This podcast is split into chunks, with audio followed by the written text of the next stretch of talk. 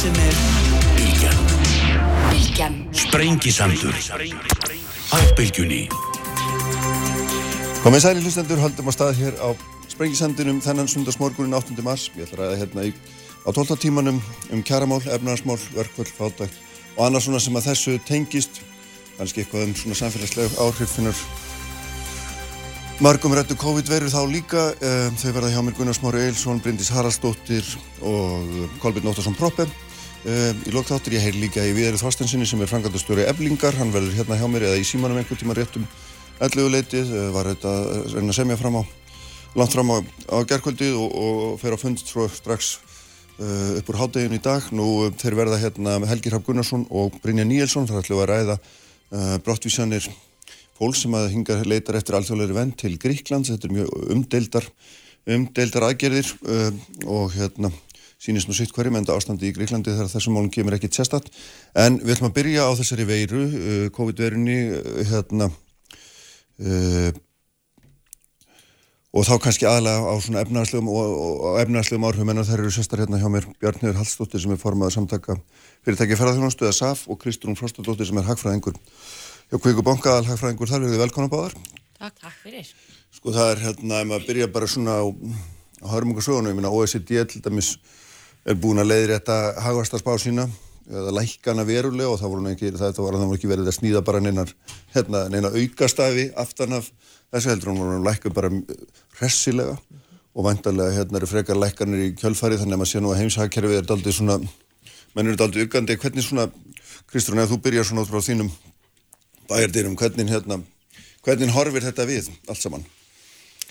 Já, það er náttúrulega eins og allir munur að segja mikil óvisa í kortunum. En ég menna það er að detta einsamt efnaðistölur frá Kína bara raun tölur um mm. að um að útflutningur hafa dreist saman 17% á fyrstu tömur mánuðum ásins um, sem kannski kemur einhver leiti ekki óvart. Það er náttúrulega bara að loka stórun hlutum á samfélaginu það er allan á tímpunkti mm. og, og hérna þannig að þetta er að fara að byrstast mjög hratt í tölunum síðan er þetta annað mál hversu lengi þetta varir. Og það Já. er náttúrulega sem gerir svona spákjara ofbáslega erfið er þetta tvekja mánuða sjokk, er þetta, er þetta hérna heima, verður þetta fjóra vekna sjokk, fjóra mánuða sjokk? Eða verður þetta allt árið? Mm -hmm. um, þannig að ég held að það sé svona það sem er kannski helst að vefjast fyrir fólk í dag. Ég menna það er búið að taka niður hagvastarsbárum, þú veist, hálf til 1% kannski ef við horfum á heiminn í heilsinni en auðvitað er náttúrulega sögum samfélag sem finna meira fyrir þessu en önnur. Náttúrulega Kína sem dæmi. Við erum að sjá svo lokanir núna í allir norður Ítalíu sem er náttúrulega eitt stæsti framleiðslu ángi í þess lands. Og síðan er þetta náttúrulega með land eins og Ísland sem að um, að einhver leit er þetta óhefni að við höfum síðastliðin ár náttúrulega náða byggja vöxt ofbáslega mikið hérna á grein sem er að verða hlutvarslega vest fyrir barðinu á, á þessum breytingum. Já. Þannig að hérna, ég held að það sé ekki hægt að horfa fram hjá því að það er mjög eðlilegt að fólk sé uggandi mm. yfir stöðinni vegna þess að við erum náttúrulega ofbáslega háð þessari atvinnugrein. Mm. Og við hefum séð hérna að koma nú spár fyrir vikunni frá alþjóðlega flugumálastofnuna sem var verið að velta því upp að, að samdráttur í flugum fer gæti verið á bylunum 10-20% að heimsvísu og þetta er náttúrulega stopnun sem að auðvitað um, sérhefið sér í svona spám og þekkir hvernig áhrif hagsveifli hefur verið á, á flugum fyrir gegnum tíðina. Og það er bara sérst mjög skýrlega um að skoða gröf og tölur frá þessari stopnuna að það hægir á flugumferð í, í svona ástandi. Um, og maður veldur auðvitað fyrir sig að við erum náttúrulega hlutvarslega meira að við erum meira viðkvamari fyrir um flugumferð en flestir sko, mm. vegna þess að við erum með þetta er alltaf þetta klassiska íslensku efnarslíf, við erum einhvern veginn með allt eða ekkert já, já, já. þannig að, að ég held að, að maður verði án þess að vera allt og svart sýt sko, þá verður maður líka að vera raunsær er að þetta, að þetta gæti reynst okkur fyrir eitthvað erfitt sko. Hvað segir hérna, fólki í ferðarþjónustinni? Já, fólki í ferðarþjónustinni. Þið eru mikið að hugsa um þetta trúi og hérna, alltaf fyrir ykkur hvað er að gera. Að sjálfsögðu og mm. eins og Kristrún segir þá er mm. þetta bara 100% óvisa í rauninni í kortunum og, og og allt sem við segjum núna er svona bara gott gísk já, já, í, í rauninni en auðvitað eru menna að velta þessu öllu saman mikið fyrir sér og draga upp mismunandi sviðsmyndir hvað ef og svo mm, framvegis. En, mm. en hérna svo fyrir við náttúrulega að hugsa um það að ferðarþjónust í dag er allt öðru sem var fyrir tíu áram hérna á Íslandi þannig að það er rauninni allt efnahagslífið á Íslandi undir núna. Mm. ef að verður áfallið þessari grein þá hefur það áhrif á, á allt samfélagið. En eins og ég segi bara orðið í dag er bara óvisa Já, en e- eitthvað þeir eru nú búin að vera að skoða þetta eitthvað, maður sér nú að ríkistjórnin er strax komin að hún ætlar að skipa einhverja, hafa að skipa ráðhræðnefndi eða rá, já, úr þremur ráðnættum til þess að skoða þetta og hérna og það hafa líka náttúrulega verið kröfur frá ykkur um að að spýta í lóan aðeins, Já, hérna, gefa í og, og auka markasetningu og, og, hérna, og eitthvað þess þar, ég meina, það er nú eitthvað byrjaðar að svona Já, já, velta það- fyrir sér leiðum umfram það Við- bara að kalla þetta óviss, er það ekki? Jú, við þurfum náttúrulega að vera tilbúin sko, og eins og svo sem búið að koma inn að þá er náttúrulega tímafaktorin líki latrið hérna. Þú veist, ef þetta gengur yfir á kannski tveimur til þreimur mánuðum, þá erum við að tala um allt annar hlut en ef þetta dregst í, í 8-9 mánuði. Af því að háaninn er náttúrulega framundan hérna. Við erum hérna í miðju bókunatímabili fyrir sumarið 2020 og eh, segjum svo að þetta reynir á vormánuðum, kannski april, mæ eða eitthvað þess aftur, þá erum við ennþá í stöðu til þess að bjarga því sem bjarga verður á þessu ári, því það er náttúrulega lungina fyrirtækjunum sem tekur inn alla sinni tekjur á þessum þremur til fjórum mánuðum yfir háanina og því er það mjög mikilvægt að við verðum tilbúin þá í starthólunum þegar, þegar þetta fer alltaf að reyna og ríkið fer að setjast. Og förum þá í fremstu výlinu í, í, út á markaðina og reynum að höfða til þeirra ferðamann sem hafa setið og beðið eftir að bóka ferðina sínar. Við þurfum að vera sínileg þá, því það mun náttúrulega fleiri áfangastæðir en Ísland verða á þeim, þeim vettfangi og eh, mér sýnist það okkur að við séum með, með svoleiðislega núna í, í farvatninu og, og verðum sérst í starttólunum. Það er verið að undirbúa, er það ekki einhverja markas Jú, það er verið semst undirbúa alþjóðlega markasherferð semst í samvinnu við eh, semst stjórnvöldi samvinnu við atvinnugreinina og svo er líka semst markas átak í, á innanlandsmarkaði líka í burðarlinum. Það sem að stendur til að hvetja Íslendinga til að ferðast þó allavega um sitt eigiland ef, ef að fólk vil ekki fara til útlanda. Já, en allt náttúrulega byggist þetta á sko trösti Já, það verður að geta algjörlega. trösti að hérna, að sé allt í lægi, það er ekki nóga fyrirtækinu auðlýsi bara þetta Já, og, og, og það er annar það er hárið og það er að að náttúrulega við. það sem er erfiðast í þessu, þetta er náttúrulega við erum að fást líka við tilfinningafólks, við Mm. erum að fást við óta og kvíða og, og kannski eh, sagt skort á upplýsingum, þess vegna sko. Þetta er ekki bara staðrendir sem við erum að díla við heldur líka, eða fást við afsakið Mm, heldur líka tilfinningar. Og það er náttúrulega miklu erfiðara. Mm, sko mér sýnist þetta Kristján Emar Harfrið á tölunum um flugfarþega þá voru þetta einhverju 2,3 3 miljónir árið 2018 sem hinga komu og svo bara tvær í, á síðast ári. Já. og nú er svona spáð almennt áður en þetta gerist einhverju 20% niðursveiflu eða samdrætti. Og, og hérna svona menn spáð að þetta geti kalla á önnur 20% og þá er þetta nú farið að skipta er það ekki hressilega miklu máli? Jú, við vorum náttúrulega áður en fengum þetta áfall í, í fyrra eða ef áfall maður kalla allavega þessa breytingu á, á ferðjónustumarkanum þá var ferðjónustan 40% á útflutningi hérna. um, núna árin 35% um, og þetta er náttúrulega sá geiri sem að he, hefur gert að verkum við erum með viðskiptafgang á landinu venna þess að það er vöruskiptahalli hérna. við erum ennþá að flyti inn meira vörum en við erum að flyti út af vörum það er afgangur af þjónustu viðskiptum Þannig að þetta hefur auðvitað gríðarlega mikil áhrif og ég held að veist, það er alveg hægt að ég hef svona aðeins verið að kannski leika með með tölundan í þessu samengja því maður veldi fyrir sig sko hvað þurfum við að fá mikið högg til þess að við virkilega finnum fyrir þessu sko Já. af því það er oft talað um til þessu veikingu krónunu í því samengi og ég held að það sé alveg var til í sem sömur hafa sagt sko með landsælabankastjóri að það þurfi svolítið mikið til mm. þannig að við erum með það mikinn afgang að þú þarft mikinn samdrátt en það breytir ekki því að sko þú getur verið með afgang af, af þjónustu viðskiptum en, en þú getur lendið að flestir erlendi fjárfestar ákveðið ekki á landi Mhm. á, á skamum tíma sko. Já.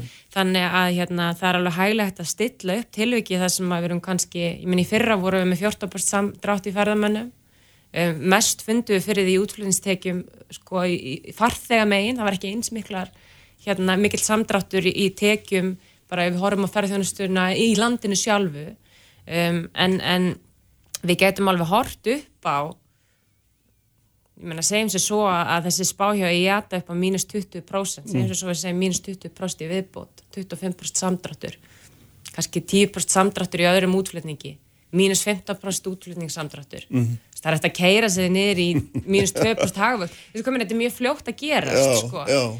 þannig að hérna ég held að þetta sé bara eitthvað sem við þurfum að vera búin undir. Ég held að, stóra spurningi núna sé hvernig þú bregstu þessu. Já, og þá, það er bara næsta spurning hér líka, Hva, hvað er rétt að gera þegar maður sér að sæðlabankar sem að maður hefur ekki oft heyrt nefnda í tengslum við hérna, Vírusa. vír, vírusa og, og, og, vengi, þarna allavega ekki svona vírusa, þeir eru, hérna, eru farnir að, að bera saman bækur sinni um hvernig, hvað þeir geti gert, Já. fjármálaráþurar uh, helst ríkja og gefa út sameigilar yfirlýsingar og þeir muni gera allt sem í þeirra valdi stendur eins og þetta er orða til þess að Mhm. milda áhrifin, en hvað er rétt að gera? Sko ég held að það er svolítið áhugavert, ég menna ég sati hérna fyrir nokkru viku síðan, þá vorum við að tala um viðbröð við þáverandi Mm. Já, já, akkurat. sem er náttúrulega ennþá undirliggjandi sko. Já, já, við já. vorum að koma út úr svona, veist, það sem að svona ófæglega getur maður sagt svona boom bust, Já, sko, það var mjög búin að vera mikil uppsveifla og svo kom niðursveifla og einhver leiti var að niðursveifla sem var kannski þörfa á og það er svona skipta skoðan hversu miklu leiti það ætti að mikið þá niðursveifli eða hvort að það væri bara svona eðlileg viðbrögð. En núna bara tveim vikum erum við alltaf um stað. Já. vegna þess að sjokki sem við erum í núna er algjörlega utankomandi við getum í rauninni mjög lítil áhrif haft á það svona í stóru myndinu auðvitað er náttúrulega eitthvað verið að gera hér innan helbriðstjónustunar en við, við stjórnum ekki þessum vírus að öru leiti sem gera það verkum að sko ef við horfum til að mynda á fjármálkerfi og lánveitingar og þess að því við mikið verið að tala um hvernig á steyði við, við félög í fjárþjónustu og því tengt. Og allt í hennu kannski með félög sem að stóðu bara ágætlega, ágætlega vel og, og banka myndi ekki dætt í huga að við myndi lendi í vandræm sem að allt í hennu gæti orðið ógjaldfær af því að þau bara lenda í lausafjár hérna krísu. Og þetta er svona tími þar sem við þurfum að aðskilja undirliggjandi niðursöflu sem er ok og halda áfram í útlánavexti og, og kannski proppa upp þann hagvöxt og, og skoða, herðu, við erum með einhver félög sem eru sjálfbært til lengri tíma en það bara allt í hennu missaði tekjur. Tvo mánuði, þrjá mánuði, fjóra mánuði. Um, og, og ef bankin hleypur ekki undir bakka með því þá tapar náttúrulega bankin á bara mjög góð láni. Sko þannig að út frá viðskiptarlegum fossundum, ef við bara að horfa við þannig, kalt mat þá held ég sem mjög eðlilegt að það verði brúðist við þeim lausafjör skorti hjá þessum fyrirtækjum. Um, en það þarf þá að gera greinamun á hvað félög er í lausafjörvanda og hvað félög er í eiginfjörvanda það er að segja hvað félög eru bara akkurat núna að lenda í tekistoppi en voru sjálfbær og hvað félög kannski fyrir mánuðu, tveimur, þreimur mánuðu síðan voru kannski aldrei að fara að vera gjaldfær.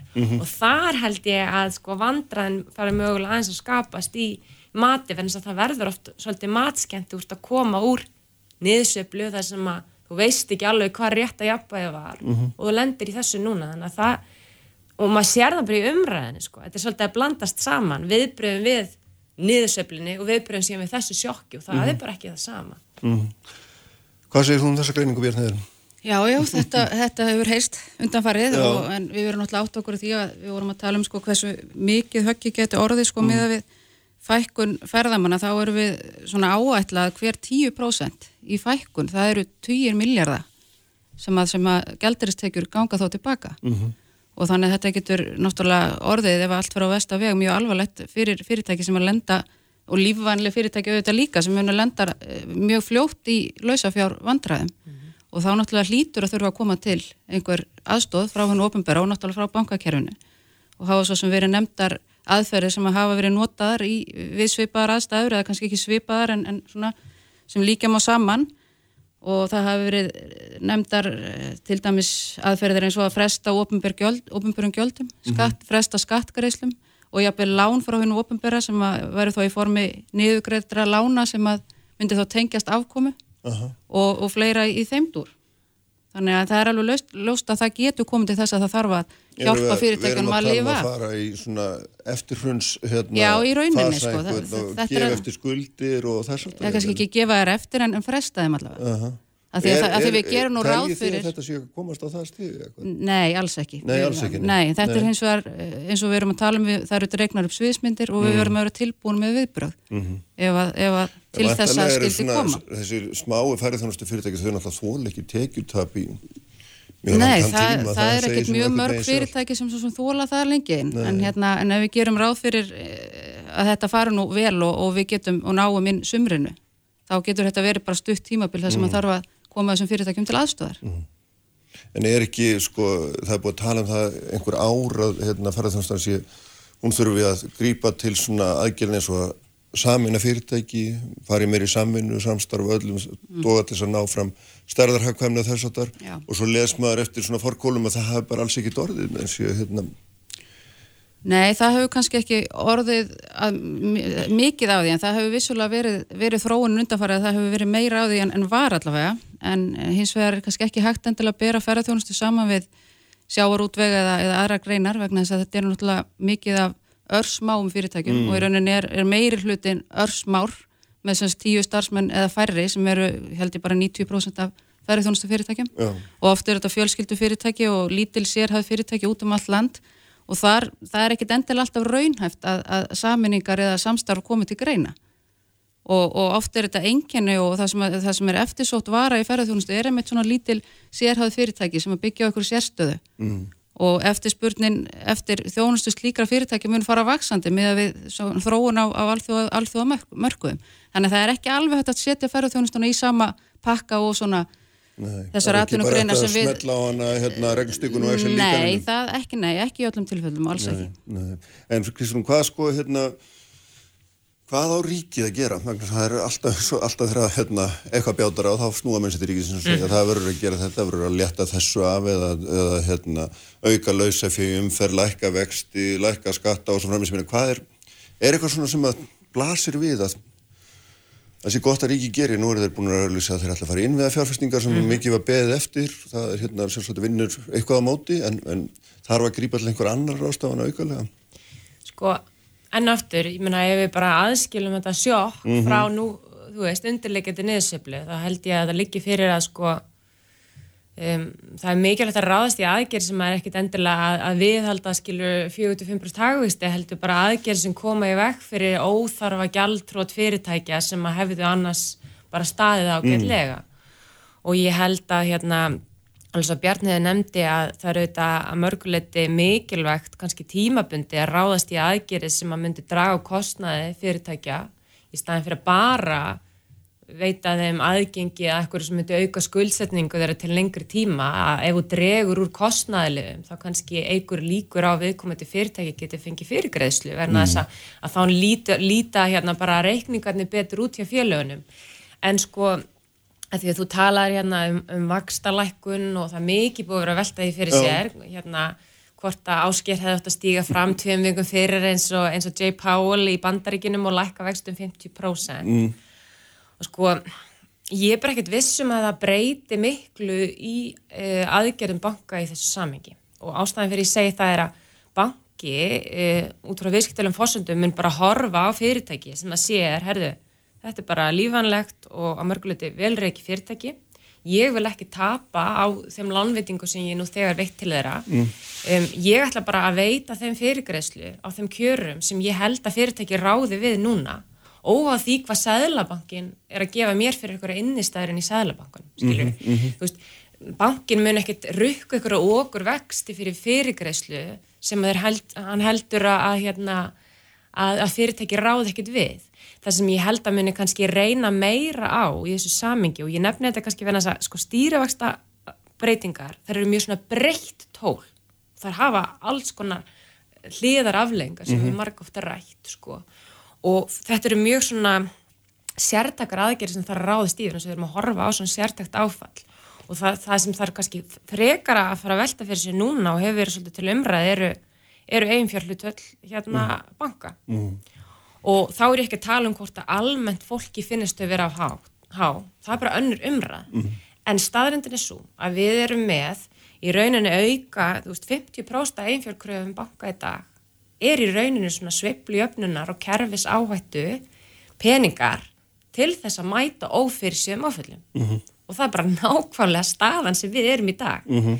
þannig að það mætti í rauninu segja margir sem hafa kannski gaggrind að þessi einfjár aukar hafi verið óþarfi menn að núna er það kannski bara að sína sig að það hafa gott að hafa þetta að þess að bankakerfi álíkt í sem við vorum að sjá fyrir, fyrir tíu árum og það kannski verið að bera saman viðbröð, eins og ofinbæra þá við það sem er núna er að núna erum við um stærkt bankakerfi. Það er nægt lausufið í bankakerfinu mm mistakast ég á tveim á þrjömu böngum og hérna eiginfjörgröfur hafa gert af verkum að það er, það er góðu böffer en það þarf mögulega að huga því að, að læka þessa böffera til skamstíma til að gera það verkum að banka sér tilbúinir að taka sjans á okkur fyrirtækjum. Mm -hmm. Þannig að þegar þú ert með lánvitingu fyrir framæði og þú hugsaður, herði, þetta félag er smá og grásvæði, mögulega lífanlegt, ég veit samt ekki. Það, það er sjans að þessi fyrirgræsla fari fyrir bíu en þess að kannski tekur 6, 12, 18 mánuði að vinna úr þessu ferðlisverðum í núna. Og ef að banki sér fram á að þurfa að brjóta reglur vegna þess að mögulega tapar það á lánvitingu og fyrirgræslu, þá mun það kannski stoppan mm -hmm. í fyrirgreiðslunni mm -hmm. og ég held að þetta sé nákvæmlega tíminn til þess að leifa bara bankakerfinu að taka ákvæminu út frá viðskiptælum fórsundum án þess að láta þetta auka regluverk stoppa sig og síðan er bara hægt að koma því setna alveg eins og Bjarni verið að nefna það að læka skatta og gjöld kannski tímabundið það er þá bara hægt að breyta því aftur setna, við, mm. bara alveg svo hækkar og lækka vexti en ég held að þetta þurfa að vera svolítið til umræðu núna að ef við viljum að bankakerfi hafi sveigrum til að veita fyrirgreislur þá þurfum við að gefa því sveigrum til þess að meta það og taka mm. í sömu tilfellum, bara sjansa á, á sömu fyrirtækjum sko. Og ég held að það sé að fara að vikta miklu, miklu þingra en einhverja vakstabreitingar í dag sko. Já, þannig að þetta er fyrst og fremst inn í, inn í kerfinu sjálfu heldur en einhverju svona utanakomandi þættir sem að þarf að Já, að huga. af því að það er náttúrulega, sko, eins og ég segi, munur núna fyrir tíu árum síðan er bankakerfi er stert og bankarnir, um, þeir sjá, eiga bara sjá svona hagsmunu í því að láta ekki fyrirtæki rúla mm. sem standa vel. En þeir þurfa þá að vera með svegrumi og vera ekki bundir því að vera allt í einu farnir að brjóta einhverja reglur og eins og ég segi, um, ég menna núna er þá tíminn til að leifa þeim að ganga á þessu auka og þetta er bara alveg eins og, og við rættum um áður margóft rættum og ég bent á í sambandi við, við hvernig hefur ofinbera á að haga sér í, í sveflu, niðurseflu, uppseflu. Þetta er sömu lögmál. Akkur er þetta sapna í afgang og það mátt ekki ganga á hann í niðurseflu. Mm, Þannig að mm. það er held ég, ég held að það sé að fara að hafa mestu áhrifu núna. Mm. En auðvitað verða alltaf einhver félög sem að bara mun ekki vera með nægt eigifjöð til þess að geta fengið auka fyrirgræsli og ég held að við þurfum bara að stilla vættingum í hóf varðandi það að bankarnir, náttúrulega þeir sjá ekki fram á það að fá fyrirgreisluna tilbaka sama hvað á bjátar af því að það er eh, kannski fá við til að ganga á eða, eða hefur gengið á EIFI og ég menn það hefur verið mingandi hagnaður í greinin núna undanfarið 2-3 ár. Eh, bæðir af því að það hefur hægt á tekjuvexti og náttúrulega bara ef maður skoðar alltaf tölur launakostna, þetta er bara komið algjörl út í korti hjá sem félögum. Mm. og, og þannig að það, það munu vera félög sem að munu því meður ekki geta fengið fyrirgræsli á banka en það hefur alltaf verið þannig. Það mm. hafi ekki alltaf geta, allir geta fengið fyrirgræsli á banka, það er alltaf bara þannig. Mm. Er þið eitthvað fann að ræða þessi mál svona skipulega inn í bankakerfi og við stjórnvöldu og þess að það er einhverju aðgerið sem að grípa þar? Já, ég, það er náttúrulega allt á, all, allt á fullu allstaðar, það er verið að tala saman í öllum öllum hodnum, öllum hodnum um allt samfélagið. Mm. þannig að hérna talandum uh, eh, Sæðlabankan og Vakstasti og svo frammeins þá finnst mér líka rétt að benda það að, uh, eitt hluti af eh, rekstarar vandara um ferðarþjónustannar undanfarin 2-3 ár hefur náttúrulega verið sterk króna sem kemur náttúrulega viðbót við háan launakostnaðis og Kristrún nefndi og fleira mm, mm. þannig að ferðarþjónustan hefur náttúrulega verið í smá standi undanfarið ár og ekki bætti úr fallvá er náttúrulega síðast ári mm. Þannig að það er óbúslega mikilvægt fyrir okkur til dæmis að krónan fái að veikjast aðeins no. og það getur bara bjargað heil miklu í, í tekju streyminu hérna innanlands sérstaklega eins og í sumar. Þannig að það er mikið gleði efni fyrir okkur að sjá að hún hefur náttúrulega vext, ég veit ekki um hvað mörg prósent síðustu viku, allavega Efran hefur komin í 142-3 ár mm -hmm. og þetta getur bara skilið á milli fegs og ófegs í sumum tilvægum. Já að krónan fái nú bara veikjast pínulítið til þess að styðja við, við útflutningsgreinar. Já, einmitt. Þetta er auðvitað hérna svona eilíu umræðan og þeir sem er sem í kaupa kjör var nú sannlega ekki mjög ánaður með það ef að krónan fara að veikjast núna og hérna. Nei, en við þurfum samt að tryggja gælderisflæðin mm. í landi með ykkur móti. Já, já, já, einmitt. Þannig að það er svona, hérna, það er eitt og annað sko, við erum alltaf farin að sjá þetta strax hérna, Ísland er farin að sko aflýsa flugum í sem að var nú bara kannski 2% þeirra heldar heldafölda flugfæra þeirra en enga sér eftir því sem við sá á túristi.is jafn mikið og allt flug lufthannarsall í Íslands þannig að þetta, þetta er nú umtalsvert sko. og hérna en er þið fann að finna fyrir eða þitt fólk var að finna fyrir hvernig finnir þið fyrir þessu? Eru afbókanir? Eru, eru fólk að ringja mikið? Hvernig er Sko, það er mísjönd eftir mörgu þegar, þegar fólk er að panta fyrir þá er þetta mikið ósveganleiki þetta er svo langt fram í tíman Akkurat, mm. sko það Ég held að séu flestir sammálum það að það hefur hægst á, á bókunum. Við erum náttúrulega eins og ég nefndi á þann í miðju, bara á hápunkti bókunatímaplýsins fyrir þetta sumar mm. og það hefur hægst verulega á. Ég held að séu flestir sammálum það að við höfum ekki reyndan en að svona yfirsýn eða einhverjar djúpa rannsóknir þar að útandi, það, það er bara ekki til Nei. og ekki þetta nálgasta. En við erum ekki, hefum ekki orðið vörfið afbókunar ennþá fyrir, fyrir hérna, sumarið sem er náttúrulega jákvægt. Við getum farið að hafa áhyggjur þegar það fyrir að gerast. En hins vegar hafa fyrirtæki brúðist við bæði úti í Evrópu og víðar með því að stitta bókunar, afbókunarfrest. Þannig að þú getur afbóka núna með, með skemmri tíma á þess að fá á því afbókunargjöld. Uh -huh. Og það held ég að sé mjög mikilvægt skref. Uh -huh. Vegna að það eru margi sem eru hikandi og vilja bóka ferðina sína. Það vilja allir ferðast. Ferðarlög eru efst á forgangslista í neyslu hjá hjá megnunu af, af Evrópabúum og það síðasta sem þið vilja að láta móti sér. Þannig að, mm þannig að þetta er bara töf í rauninni. Mm þannig að ég held að þetta sé mjög mikilvægt skref að gera og við höfum, Æslandir er búið að taka upp, taka upp eh, svona mildari ábókunarskilmála. Og það þýðir það að fólk getur semst bókað á þess að taka áhættu um að tapa öllum sínum peningum. Mm. sem getur ábókað með skemmri frest sem er held ég eins og ég segi mjög gott. Mm. Þannig að það er svona verið að vinna í einu og öðru til þess að... Já, það er allstaðar verið að reyna að lámarka skadana sjálfsögðu mm, mm. og, og allir vaknir og sopnir í því og, og, og það er bara um að gera við þurfum að sína núna sveianleika mm. og halda okkar trúveruleika og passa upp á ímynd okkar og eins og ég segi vera tilbúin þeirra -hmm. þeirra ekki sest svo. Hvað, hvað þurfum við hvað þurfum við langan, þetta er kannski ósangjast en hvað þurfum við langan tíma til að átt okkur á því svona hversu raunverulega áhrifin eru? Er þetta, þú veist, því nú erum við bara búin að vera kannski í mánu, tvo, mm -hmm. veit ekki hvað maður á að segja, einn og halvan cirka að velta þessi fyrir okkur þurfum við tvær vikur eða tíu eða hvernig, þú veist, hvernig sjáum við svona cirka hvað, hvað er að gerast með skýrari hætti Já, ég get allan sagt í það að það var verið að endur skoða núna fyrir, þú veist, tveim viku síðan hérna, hagastatölu fyrir 2018 mm.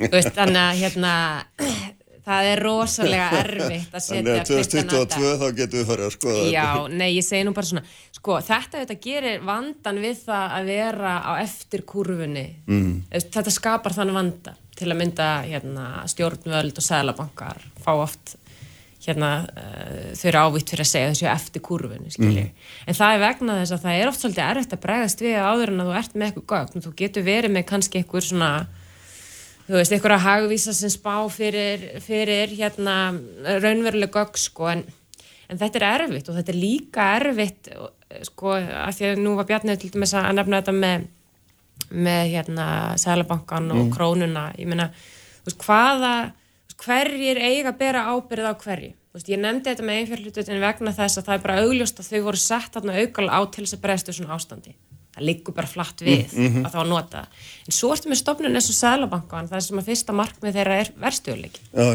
markmið þeirra er ekki að bjarga heiminum, það er ekki að bjarga landinu það er ekki að bjarga, það er heldur ekki bjarga ferðarstu fyrirtækum í rauninni sko, ef maður segir bara flatt út sko, þó auðvita hérna já, já, það er ekki veist, tryggja lífskjör, það er bara þetta þannig, það er bara að halda nýri verðbólgu og, og, og, og þannig að það er svo erfitt að segja fyrir en kannski nákvæmlega hvernig þeir enda með að lokum að bregðast við, þannig að þó að þeir kannski lækja vexti núna, ef við mitt sjáum krónuna veikjast og mm. verðbólguvætting að fara stað og verðbólgu hækkar og muniðið möguleg þurfa að hækka vext eftir mm. þannig að það er rosalega dýnamík í hægstjórnar ákvarðinu núna. Það er ákvarðinu hlutir sem er auðvelt að eiga við, þar að segja ég held að, ég held að aðgjera í núna bara snúast að því kannski eins og Bjarni er líka að tala um fyrir einstakka fyrirtæki að bara taka svona rauða teipi sem kemur í vekk fyrir að þú getur verið með ráðstafinir sem að koma í vekk fyrir óþarfa gjaldtrót, óþarfa áfram mm -hmm, mm -hmm. en síðan á ennþa við þessi dýna mikið umræðinni sem að við hefum margóft tekið, þú veist, að hversu miklu leiti á bara stiðja í heildina við það að hagvöxtur verði mögulega neikvæður á ári já, hvað er næsta, veistu hvað ég menna já, já. En, mm -hmm. en, en hérna við munum ekkert vita þetta fyrir ná næsta ári í rauninni sko, hver raunverulega áhrifin eru. En vonandi getum við eitthvað aðeins mýkt að minnst okkurstu óþarfa seflar, fyrir það er náttúrulega það sem er það sorglegast að við sjáum góð fyrirtæki fara sem að lenda í rauninni bara í óhæfni sem þetta er Herðum, það er hérna ringi ykkur 2022 og sjá hvernig þetta er farið. takk fyrir að koma báða þar. Já, takk. Og hérna ég ætla að ræða við þá Helga Hrafn og Brynja Níelsson aldingisminna eftir þá ætlum við að fjalla um brottvísanir fólks til, til Gríklands. Sprengisandur á bylgjunni. Kraftmikil umræða, alla sunnudasmórna, sprengisandur á bylgjunni. Sælir afturlustendur, það eru farna fram með Kristrún Frostadóttir og Bjarnheður Hallsdóttir vorum að ræða um áhrif þessara veru COVID-verunar á, á, á ferðarþjónstun aðalega en á hagkerfi líka svo sem bæði er heima á víðar, reyna þess að kortleggja svona á stöðu sem við sjáum en þetta er nú svona, hún markast nú tölvöld mikið á óvísu þetta. Nú ég ætla að ræða hérna áfram um efnaðasmál og þess að þetta uh, á eftir uh, koma til mín Gunnar Smári Eilsson, Bryndis Haraldsdóttir uh, Kolbjörn Áttursson Proppi og Jón Stendur Valdimarsson uh, og hérna og ég heyri líki viðar í Þorstensinni sem er framkvæmtastöru eblingar, svona upp úr 11 en nú er það sestir hjá mér Helgi Hrafn Gunnarsson og Brynja Níelsson, alþingismenn, velkomni báðir. Takk, Takk. Uh, Við ætlum að ræða aðeins um flótamannamál eða já kallum það bara einu nafni og það er að segja þann sérstakka ánga af þeim sem að varðar að senda fjölskyldur með börn til Gríklands á þessum tímum, fólk sem að hefur fengið sem sagt vilirið fyrir alþjóðleiri vernd í Gríklandi er enga síður á Íslandi sækist eftir því að fá alþjóðlega vernd hér en við höfnum því og sendum þau tilbaka inn í ástand sem að hérna, ég held nú að svona nánast öll alþjóðarsamtök sem að eitthvað fylgjast með þessu og er eitthvað að kortleika stöðun að segja séu mannskjum óbóðulegar. Gríkir hafa fengið mjög lága engun fyrir hérna, aðbúna sinnað af fólki sem er í þessari stöðum. Helgi, þú hefur verið, látið þetta mikið til ín taka og hérna og, og verið hérna og nú, brást nú illa við svarið dómsmálar á þeirra síðast í síðust umræði þingin og raukst út undan því. Hvað, hvað er það sem að þú hérna sér svona mikið að framkvæmd okkar á þessu nú förum við eftir þeim lögum sem gilda, ég held að það sé alveg það er ekki það sem er umdilt. Já, um, hvort að það standist sko barnasáttmálun og barnaverndarlögum það að láta hagsminni barns alltaf ráða fyrr það er nú bara samtal sem er þá í gangi sko. okay. mm -hmm. um, hins vegar þá er staðan þannig í Greiklandi og búið að vera núna í tíu ár þannig að við höfum ekki sendt fólk þanga tilbaka á grunduðli svo kallara diblinreglugerðar það er að segja fólk sem, að, sem að hefur komið við þar og en er að sækjum hérna við, við, og sá hvað diblinreglugerðinu megu við senda fólk tilbaka til þess fyrsta land sem það lendi í Já, fyrsta land sem það kom Já. til og, og er það í Greikland þá, þá höfum við ekki sendt fólk þangað út af aðstæðanum þar. Mm -hmm. Hins vegar, ef fólk er búið að vera í Gríklandi og komið með svo kallega stöðu flótamans þar, þar það búið að ljúka sinni umsökt þar og kemur síðan hingað, þá sendu það tilbaka. Já. Og sko, rökin sem kom frá yfirvöldum þá eru þau að vegna þess að þau eru komið með stöðu og þá gerir það ráð fyrir því aðstæðan sé eitthvað, eitthvað betri. Mm -hmm. Og álit til dæmis Rauðakrossins og UNICEF sem er stopnum saminu þjóðuna, þetta er ekki einhver hippafélag sko, þau fullir að það að sko, staða fólk sem er komið stöðu þarna, flótamanna, mm -hmm. hún er ekkert endilega betri og jafnvel verri heldur en þeirra sem er að sækja um. Þess að þegar þú fær stöðuna, þá missur þú rétt á ýmsum hlut, hlutum sem þú færða með þetta bíða, til dæmis. Mm -hmm. Og vandin í Gríklandi er sá, þetta er náttúrulega alveg við út í aðar uh, landamæra Evrópu. Og þess vegna hefur þrýstingur byggst upp svo geigvanlega þar. Og þau bara ráðu ekkert við þetta. Evró, Evrópa er núna búin að ætla að hjálpa þeim til með þetta og gerðis samning við Tyrkland til þess. Hefur ekki staðið sig í því, Evrópa. Tyrkir eru núna að hætta að stöða fyrir fólks yfir til Gríklands þannig að á, sko, álægið er að aukast og versna. Og við erum að senda börn inn í þetta ástand. Mm -hmm. vitandi það hvað UNICEF og Rauðukrossin eru búin að segja okkur um mm -hmm. þetta þetta er mm -hmm. óbóðilegt Og þú vil semst að þessi stefna verði endur skoðu? Já, sjálfsögðu, mér, mér finnst sko mér finnst þér einu spurningin eða að vera hvernig við erum að fara að því mér finnst ekki að við erum að velta því fyrir okkur hvort við erum að vera að því, það er óbóðilegt að senda börn ánga Hvað segir þú um þetta, Brynjar? Hvernig finnst þér þessi mál blasa við þér? Ég er bara veltaði fyrir mig hvað er hippafélag sko. ég sá það, við séum leið á nefndi að þá sagði mér, já ok, þarna hann mun grípa þetta. Já, já, já. Nei, ég, við, við þetta er bara að gera það sama aðra þjóðir og fara eftir þeir reglum sem um þetta gilda. menn geta haft okkur á skoðan að því að það er að vera öðruvísi. Mm -hmm. En þá verður þetta bara ástandi hér eins og er í Greiklandi núna sko menn verða sko menn verða auðvitað sjá svolítið heldamindin í þessu mm -hmm. við erum auðvitað mjög dugli við erum með hlutværslega auðvitað að veita fleri vend heldur en aðrir og við sendum ekki eins og alla út til Greiklands eða með börn eh, til þess að landa. Það er bara metið eftir að vera ykkur sérstakar aðstæðar eh, það er auðvitað bara þannig Kristján að við getum auðvitað ekki sko gert þetta öðru aðri þá vortum við að senda ykkur skilabóð mm -hmm og þá er ástandi óveraflegt.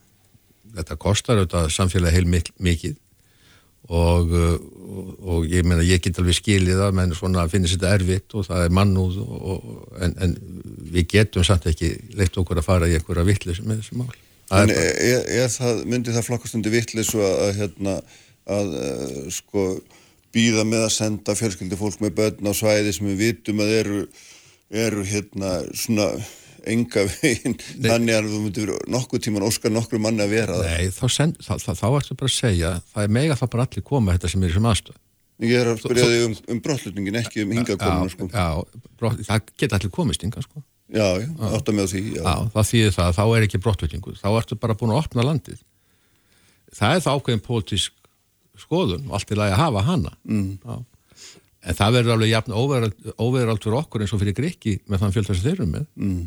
Þannig að við verðum að auðvitað vera raunsæ við getum ekki verið bara hérna einhver sveimhugar að haldi þetta bara að við getum gert allt að því að við ætlum að vera góð og all, allir eiga svo erfitt ég, ég skil alveg sjónamiðin en þetta er bara því miður ekki svona einfalt mm. og leið og allar að vera eitthvað öðri sem aðrir í þessu og þá ertu búin að gefa út skilabóð og þá fjölgar sem, uh, sem leitaðingar. Það gerist bara þannig. Mm. Hvort sem okkur líka betur að vera, hvort sem við reynum að segja eitthvað annað, það er bara svona. Því miður sko. Já. Þetta er ótrúleg einföldun á málunum. Það er alltaf einhvern veginn þegar það frá að tala um þessi mál, mm. láta eins og sko, staðan sé annarkort eins og hún er núna eða galopir landamæri og allir með að koma. Auðvitað er þetta floknari og meiri málflokkar heldur en það. Og Greikland er ekki í vandana vegna þess að þar sé svo líbó stefna, heldur vegna þess að Greikland er, hvar, hvar Greikland er staðsett, mm -hmm. staðsett á ytri mörgum Evropasambandsins og Schengen svæðisins og við erum í hínum endanum, nefnum að taka Grænland með. Þannig að veist, það hefur líka sitt að segja. Það sem að Evrópa þarf að gera og Ísland þarf að taka þátt í og þá meina ég íslenski ráðherrar, mm -hmm. þeir þurfa að taka þátt í því að eiga samtali við restin af Evrópu þjóðunum um það að Evrópa standi við sitt og leti af álæginu á Ítalíu og Greiklandi. Það þýðir að taka við meira fólki þar og minna í Greiklandi. Þetta er bara verkfæðilegt issue sko og snýst ekki um ofin landamæri. Þetta snýst bara um það að þau ert með allt og mikið álæg á einum punkti mm. og, og ert með nóg sigurum annar staðar og þá þetta viltu dreifa því álægi. Þetta er bara, þetta er ekki, Það það ekki vittleisa og þetta er það- ekki það er ekki- einhver, einhver, einhver sveif, einhver draum Helgi, það er ekki óra neitt. ákveðin einhver þetta. Nú, Við það að- verður fínt að það verður við alveg en býta, sem ég langar að klára þetta. Sko, Brynja segir hérna þetta kosti samfélagið heil mikið. Sko, um, hvað kostar að samfélagið mikið að fá hingað fullt af pólverjum, eða ítölum, eða spánverjum eða bretum, eða nornmunum varla neitt, við græðum á því. Kostnaðurinn sem að fer í hælisleitindakerfi til dæmis hérna, er vegna þess að við erum búin að byggja kerfi til að hindra fólki að koma hingað það kostar ekkert að hleypa fólki einfallega inn og vera hérna. Spurningið þá er hvort að það kemur mikið af fólki í einu til þess að, að innviðinu okkar myndi ekki þóla það. Ef það er óttin að innviðinu okkar ráð ekki við fjölda fólks þá erum við að kortleggja það hvað það er sem við teljum með innviðinu þóli og haga stefninu í samræmi við það. En það er ekki það sem við gerum. Það sem við gerum er það í staðin það að við notum með mitt lagateknin og förum eftir lögum til þess að reyna að, að, að alltaf að bóla sem flestum út ef við mögulega getum nefnum að við sjáum okkur algjörlega tilneitt til þess að taka fólk að út af einhverjum hérna, mannúðar ástæðum sem er þá væntalega búið að kvarta undan í hvert sinn þokkalega mikið eins og ég er að gera núna. Eða þá ef við græðum eitthvað stórkostlega á því sem er nú sjaldnast eitthvað sem að Íslendingar almennt sko, eða fólk almennt áttar sig á að það geti gert. Grætt að samfélagi græði á því að fá til sín fleira fólk. Og það er ákveðum grundvallar miskilningur í sambandi við það að fólk flytja myndi landa að fólk sé byrði á samfélagum og það er ekki þannig. Samfélag er ekkert nema fólk. Hagkerfi er ekkert nema fólk og, og hérna, viðskiptarleg samskipti þeirra. Fleira fólk því bara stærra hagkerfi. Hvernig við séum búum um fólki sem kemur ynga og gerum því sem best kleift að vera hluta af okkar samfélagi og hagkerfi, það er stóra spurningin þegar kemur að, að svona langtíma uh, innviðum. Sko. Brynjar. Þetta er allt einhvern veginn óskilunlegt. Ég, ég er ekki hissa á því, Brynjar minn. Nei, nei, ég meina sko, sko, alltaf, alltaf, alltaf að, tala, að fara að lögum sem einhver lagatæknilega atri menn bara fara lögum helgi. Þetta er ekkert lagatæknilegt atri sko me, við getum alveg sagt það að Evrópa er að, við erum að tala saman í Evrópa og, og, og leysa uh, létta vandanum á Ítalíu og Greiklandi ég er alveg með í, í því sko. Já. en við gerum ekkit einn sko. Nei, nei, en það er hann að hvetja til almenn samtals, já, já. gerum það sko. Já. en byrju bara að það hér að við sendum aldrei neitt nút sko sem er með bann ég segi það ég, get, ég var ekki að tala um að opna alveg landi fyrir öllu ég bara Ekki heldur. nei, ef, ef hérna ef, ef það er svo regla sem enn komið frá glikkandi með bann þá voru jæmt að gild um alla alla sem koma, þú veist, allir frá Greiklandi eða, eða frá slíku löndum það sem á, þessum teljum ástand ekki nógu gott. Það er víða sko. Við vitum alveg, jafnvel og allir aðrir, og við vitum að báður helgi, að ef við gerum það munum við ekkert ráða við, innviðinni hér og ekkert mun ráða við það. Við verðum bara að sætt okkur við þá staðrind. Við getum talað hérna út og suður um eitthvað svona, við búum bara við ákveðna reglur, við förum eftir þeim, við gerum sama á aðrir, en ef við ætlum að breyta þessu, þá förum við bara í það samtal. Sko. Við erum í því samtali. Já, við erum að reyna já, sko, Br- Vistu Brynjar, með fullur vinning, með fyrst og stundum sko, tala, sko gleymum þetta því að við erum stjórnmálamenn, það er við sem setjum reglunar, við erum ekki bara í því, við förum ekki í, í frambúð og bjóðum okkur fram vegna þess að við erum svo sáttir við reglunar og viljum ekki breyta þeim. Það er að vinna, það er vist að vera að vinna í að breyta þeim sko. það er alltaf verið að vinna í það breyta þeim, bara ofta ekki til þess betra. Nei. en sko, Það er veist, að, sko það eru, ég menn það er tveir það er tveir þættir en allavega, að mjögstakosti annar þeirra er mannúð og réttindi barna sem eru lögfest í barnasáttmálega samnið þjóðuna og íslensku lögum, barna, barnalögum uh, síðan er þessar áhyggjur af innviðunum við það hinga komi innan gæsalappa allir. Nú, ef við erum að hafna börnum för til Gríklands, þá ætti það að, í það minnst að koma fram að það sé ástæðan í til dæmis úrskurðum kærunemndar útlendingamála eða úrskurðum út, útlendingastofnunar. Eða þú veist, einhvers þar ætti það þá bara að vera á hreinu. Við erum að forna hagsmunum barna og á skjön við það sem við segjumst sjálf ætla að gera okkar eigin lögum vegna þess að við erum hrætt við þetta álag byrjum þar á bara að segja það þá upphátt.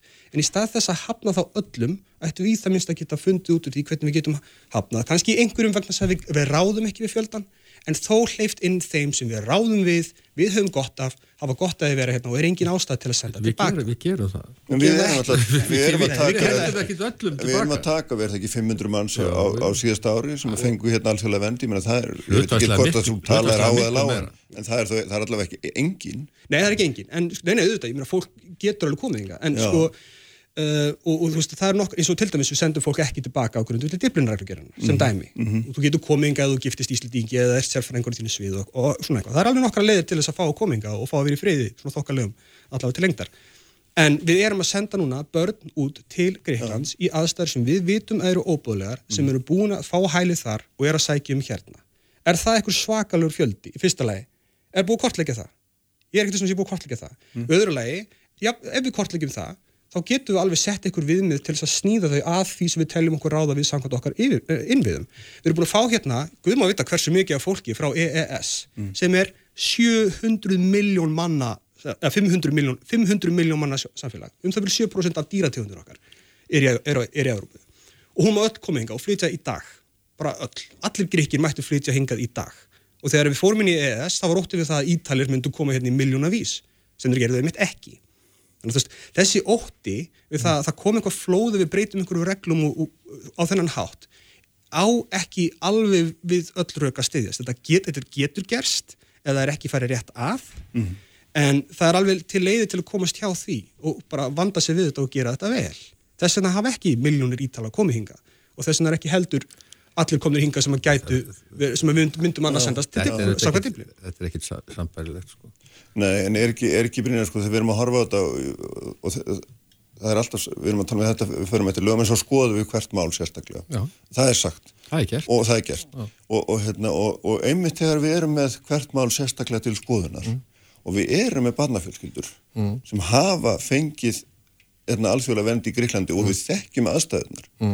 Mm. Það er það sem að, ég held að fólki finnist mjög kaldranalegt að við segjum bara ótrúlega með frangatastöri eða fórstjóri útlendingastofnun og segir það er engin rök fyrir því að senda þau ekki.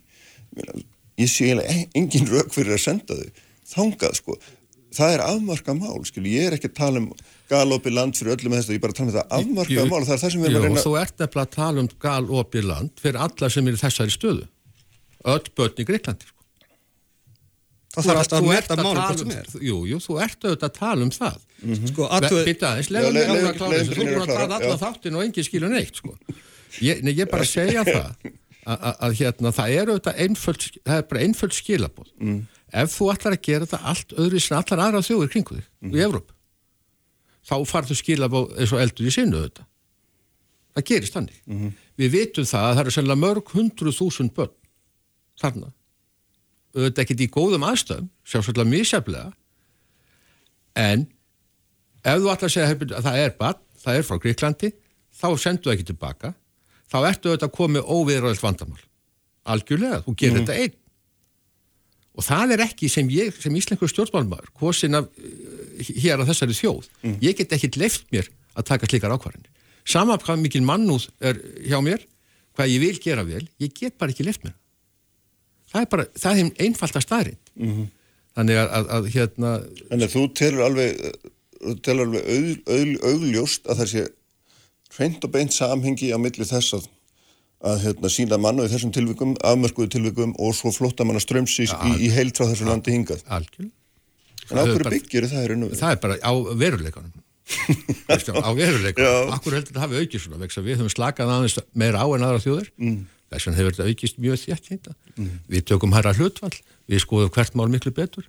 Uh, við erum bara að glíma við vanda sem bara vex og vex og við erum ekki að ráða við það, því miður.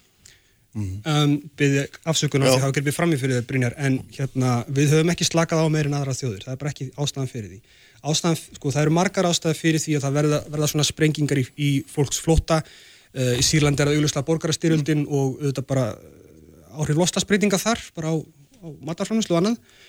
Um, og svo er núna aðstæður í Venezuela sem eru auðvitað eins og kannski vorandi flest okkar þekkja ekki eh, eru þannig að fólk kemur hinga mikið þaðan núna. Þa, það er bara misjant, það er allur gangur á því. Það er ekki eins að við höfum verið eitthvað allt of lípu hérna á Íslandi. Það er ekki tilfellið. Uh, sömulegis, ef ástæðan fyrir því að við erum að senda börn til Gríklands er of mikið álag þá hljótu við að geta tekið þá ákvörðun á sömu forsendum þegar álagið er að nálgast það að verða of mikið núna er ekkert of mikið álag núna er ekkert of mikið að börnum að koma til okkar frá Greiklandi sko. þannig að þú veist við getum alveg sagt já þar til að það er komin einhver tímapunktur þar sem við myndum beita nákvæmlega saman rökum nema undir þeim kringustafum væru þau rök aktíli og rökrið En hvernig, hvernig, sko, gefum okkur þannig bara rökraðina vegna að þetta sé rétt hjá Brynjari, að það sé rökrið samhengi á milli, milli þess að, milda, hérna, aðgangsskilrin eða hvað maður kalla það, milda reglunar sem að hérna, gilda um þá þú getur fengið dvalarlefi og, og fjöldan sem kemur. Gefum okkur bara það. Hvað gerum við þá? Ef að, hérna, vegna þess að þú ert þá hlíturinn við fljótt að komast í á stöðu að þú þarft að fara að mismuna fólki. Já, þú þarfst að taka ákvarðanir út frá einhverjum aðstæðum hverju sinni Já. og ef aðstæðunar eru orðnar þannig að álægið er þannig að samfélagið ræður ekki við það ef það eru gild rök í dag þá eru það líka gild rök þegar við erum búin að taka við hversu mörgum börnum við gætum tekið við Þér finnst það að vera gild rök yfir höfuð að, að hérna, uh, veist, maður þurft að skoða reglunar hvernig er hægt að gera þær þannig að þetta gangi sér snirtilast og kynna þær vel. Mhm. það er líka bara fullt af, sko, bara fullt af slúðri og vittleysu sem að gera það verkum að, að einhver, einhver kemur hingað sko, og, og það, fólki er sagt aðstöður síðan öðruvísi en þar eru en bara tilfellið er ekki það að við höfum verið að slaka á reglunum. Við höfum er- verið að herða á þeim við höfum ekki verið að slaka á þeim. En ef, ef að það er þannig að við ætlum að hérna, setja eitthvað stopp einhver staðar, einhver tíma þegar við teljum að innviður okkar þólið það ekki, þá þurfum við vantarlega að vera með það vel skilgrinn. Já. Og þá þarf einhver að segja við mann sem er nummer 1001 en ekki 1000. Ég veit að aðstæði þín eru alveg sambarlega við alla aðra en því miður. Ég er ekki með fleiri stóla í skólanum eða ég veit ekki það hver er rökin væri. kannski er þetta að setja En, aldursviðmið veist, kannski er þetta að setja uh, fjöldaviðmið með ár En ég, þekki ekki alveg fram en að baka ekki, sam, ertu ekki sammála mér um það að þetta væri náttúrulega mjög erfitt gríðarlega erfitt, En er býttu, það ekki? eitthvað, eitthvað erfiðara heldur núna? Núna Nei, sendum börn býttu, Núna Já, sendum við börn inn í óbúðlar aðstæður sem er óumdelt að sé óbúðlar Það er óumdelt að það sé börn Það er óumdelt að við séum að senda þessi börn þangað. Mhm. Þú veist, er, er það ekki ómöguleg staða? Jú, ég er ekkert að halda Já. fram um sér ekki Þannig að sko, ekki. Mm. það finna einhverja reglur sem að, get, sem að gera það verkum að við getum þó tekið við einhverjum. Og líka aðtöðum, mér finnst þetta áhugavert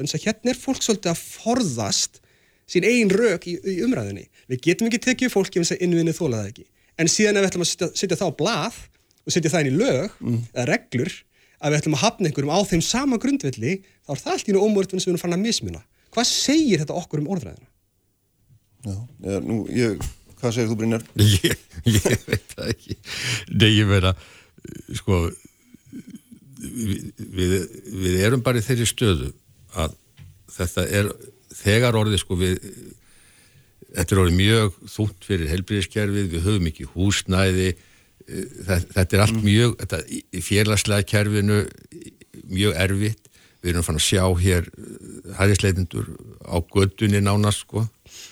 Og hérna vera í bara vondum aðstæðum hér sko. Og, og hérna það er að því að við erum ekki alveg að ná að halda auðvitað um þetta. Og þetta við erum held ég bara komin alveg að ystu mörgum sem á að vita sem við erum að gera nú þegar en bara eitt varandi það sem Helgi heldur fram hér að við séum ekki með svona mildari reglur í þessu heldur narið Nei, það er ekki sem ég sagði. Já, við, höfum ekki, við verið að milda þar.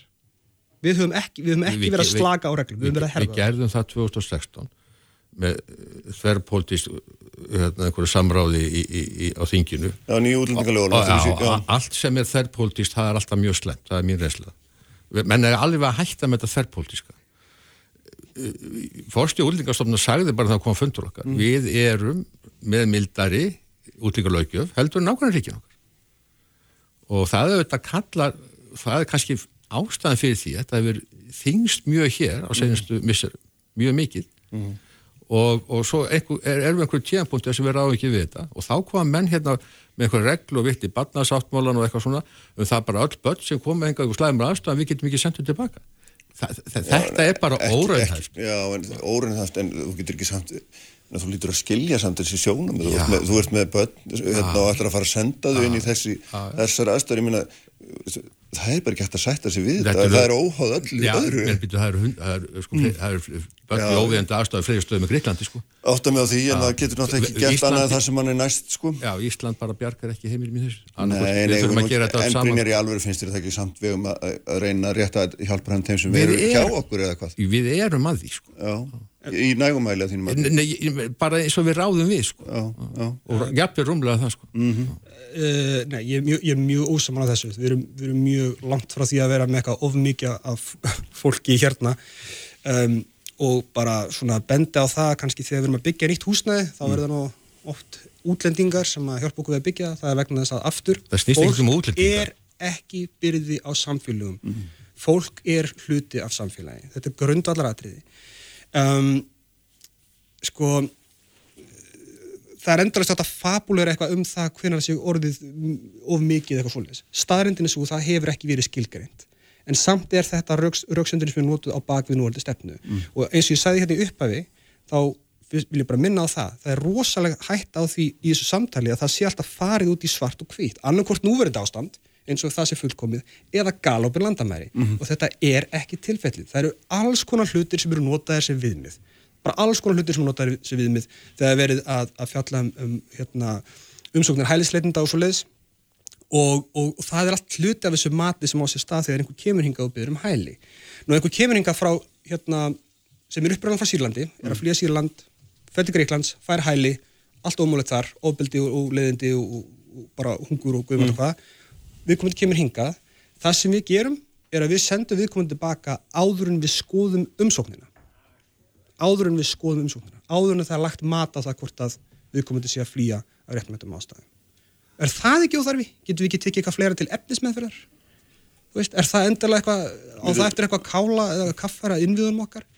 Og sko sumi leiðis, núna við, nú hljótu við að vera sammála um það, þess, sem við erum að gera núna er óbóðlegt. Þá ættum við í það minnsta kortleggja hvað það er sem við viljum ekki að gerist í sambandi við innviðun okkar til þess að sjá hvort að við getum lagað þessar reglur. En svörin frá yfirvöldum í dag eru alltaf þau, við séum að gera svo gott, svo miklu betur heldur en aðrar Európa-þjóðir og Európa-þjóðir almennt er að gera sömu mistök, það er allir einhvern veginn að, að, að íta þessu vandamáli frá sér.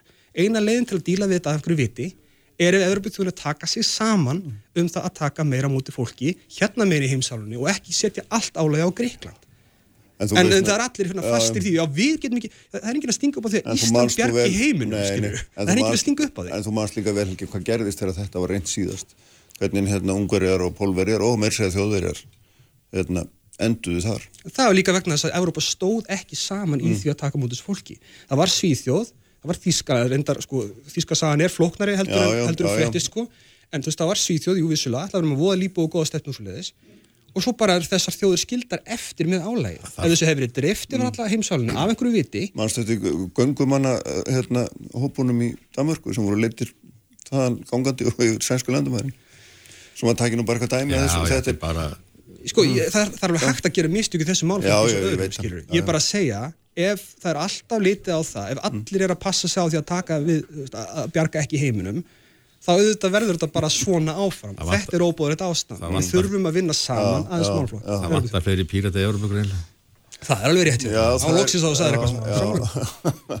en það er svona hérna, að því að það svona sko, bara síðast spurningi finnst það svona að þetta snýst svo mikið um einhverja samkend þegar við erum með ekki mörg dæmi um þessar fjölskyldur sem eiga að fara nákvæmlega þennan tiltekna stað sem við vitum öll er óbóðlegur og eigum við þá bara að horfa á laugin eins og þau eru, reglugerðinar eins og þau eru og, og hérna, myndir eins og þú sér þarna og segja Nei, bara það er engin ástæð til annars en að senda ykkur tilbaka Men er, finnst þér það í grunninn vera það rétt? Finnst þér, Kristján, í lagi að við tökum bara eitthvað að geta þetta ákvarðanir sko, fram hjá lögunum?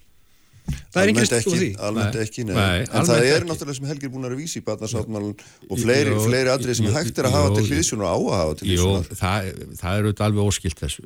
Það sem ég bara er að segja Nei. Jú, það er auðvitað Batnarsátt mér ekki hugsað þannig að ef þú kemur battíðin þá getur ekki sendt þetta tilbaka Það er bara einhver, þetta er bara einhvern rugg að vera að þvæla honum inn í alla umræðu Það sem ég bara segja er það að, að hérna ef við ætlum að fara að reka þessa stefnu eftir einhverjum svona, eftir einhverjum gethóta þá fer allt í óefni. Það er mikilvægt að jæmt yfir alla gangi. Réttindin eru þannig, samfélagið er byggt þannig. Þannig að við getum ekki verið í gethóta ákvörðum hvorki þessu nýja öðrum málaflokkum. Það er líkilættri og þess vegna segir ég ef Evrópa ætlar að, að létta á Greiklandi og einhverju löndum og ætlar að breyta sinni stefnu, þá eru við auðvitað með í því það, þú kemur ekki eitt hérna af því við erum með svo öfluga pírata hérna og öfluga no borders sem eru bara hérna í vinnu við þetta að djöflast í einstökum málum ef, ef við ætlum að vera í þessu og, og, og, og, segja bara hérna, já, öll börn sem koma hérna þá mun þetta verða óviðránlegt mjög fljótlega. Hvernig veistu? Af hverju er þetta ekki óviðranlagt eftir diplunabreitinguna fyrir tíu árum?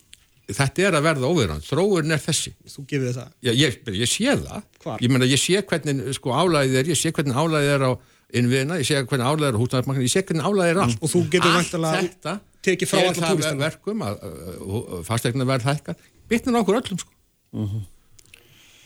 Bara Heyrðu, já. trú, trúið mér í því sko. Þetta er ekki mannvonski í mér sko. Nei, ég held þú hafi bara rámt fyrir þér. Já, það, það, það, takk fyrir báðir, þetta var hérna fróðlegt og áhugavert. Við höldum áfram að, að spjallum þetta og svo er einhver svolítið sem mótmálafundur á morgun út af þessu samálinir á Östuvelli. Þannig að þetta kjarnast eitthvað áfram. Takk fyrir að koma báðið tver og hérna við höldum áfram hérna eftir augnablikki. Ég ætla að hringja hann viðar. Þorsteinsson sem fangat svo eflingar aðeins að heyri honum hljóðið í svona meiri samningalótu og hérna svo verða þau hjá mér Bryndís Haraldsdóttir, Jón Stendur, Valdimarsson, Gunnar Smári Egilson og Kolbjörn Óttarsson Proppi. Við ætlum aðeins að fjalla áfram um vefnarsmálinn og fleira svona þeim tengt sem hafa verið í deglunni.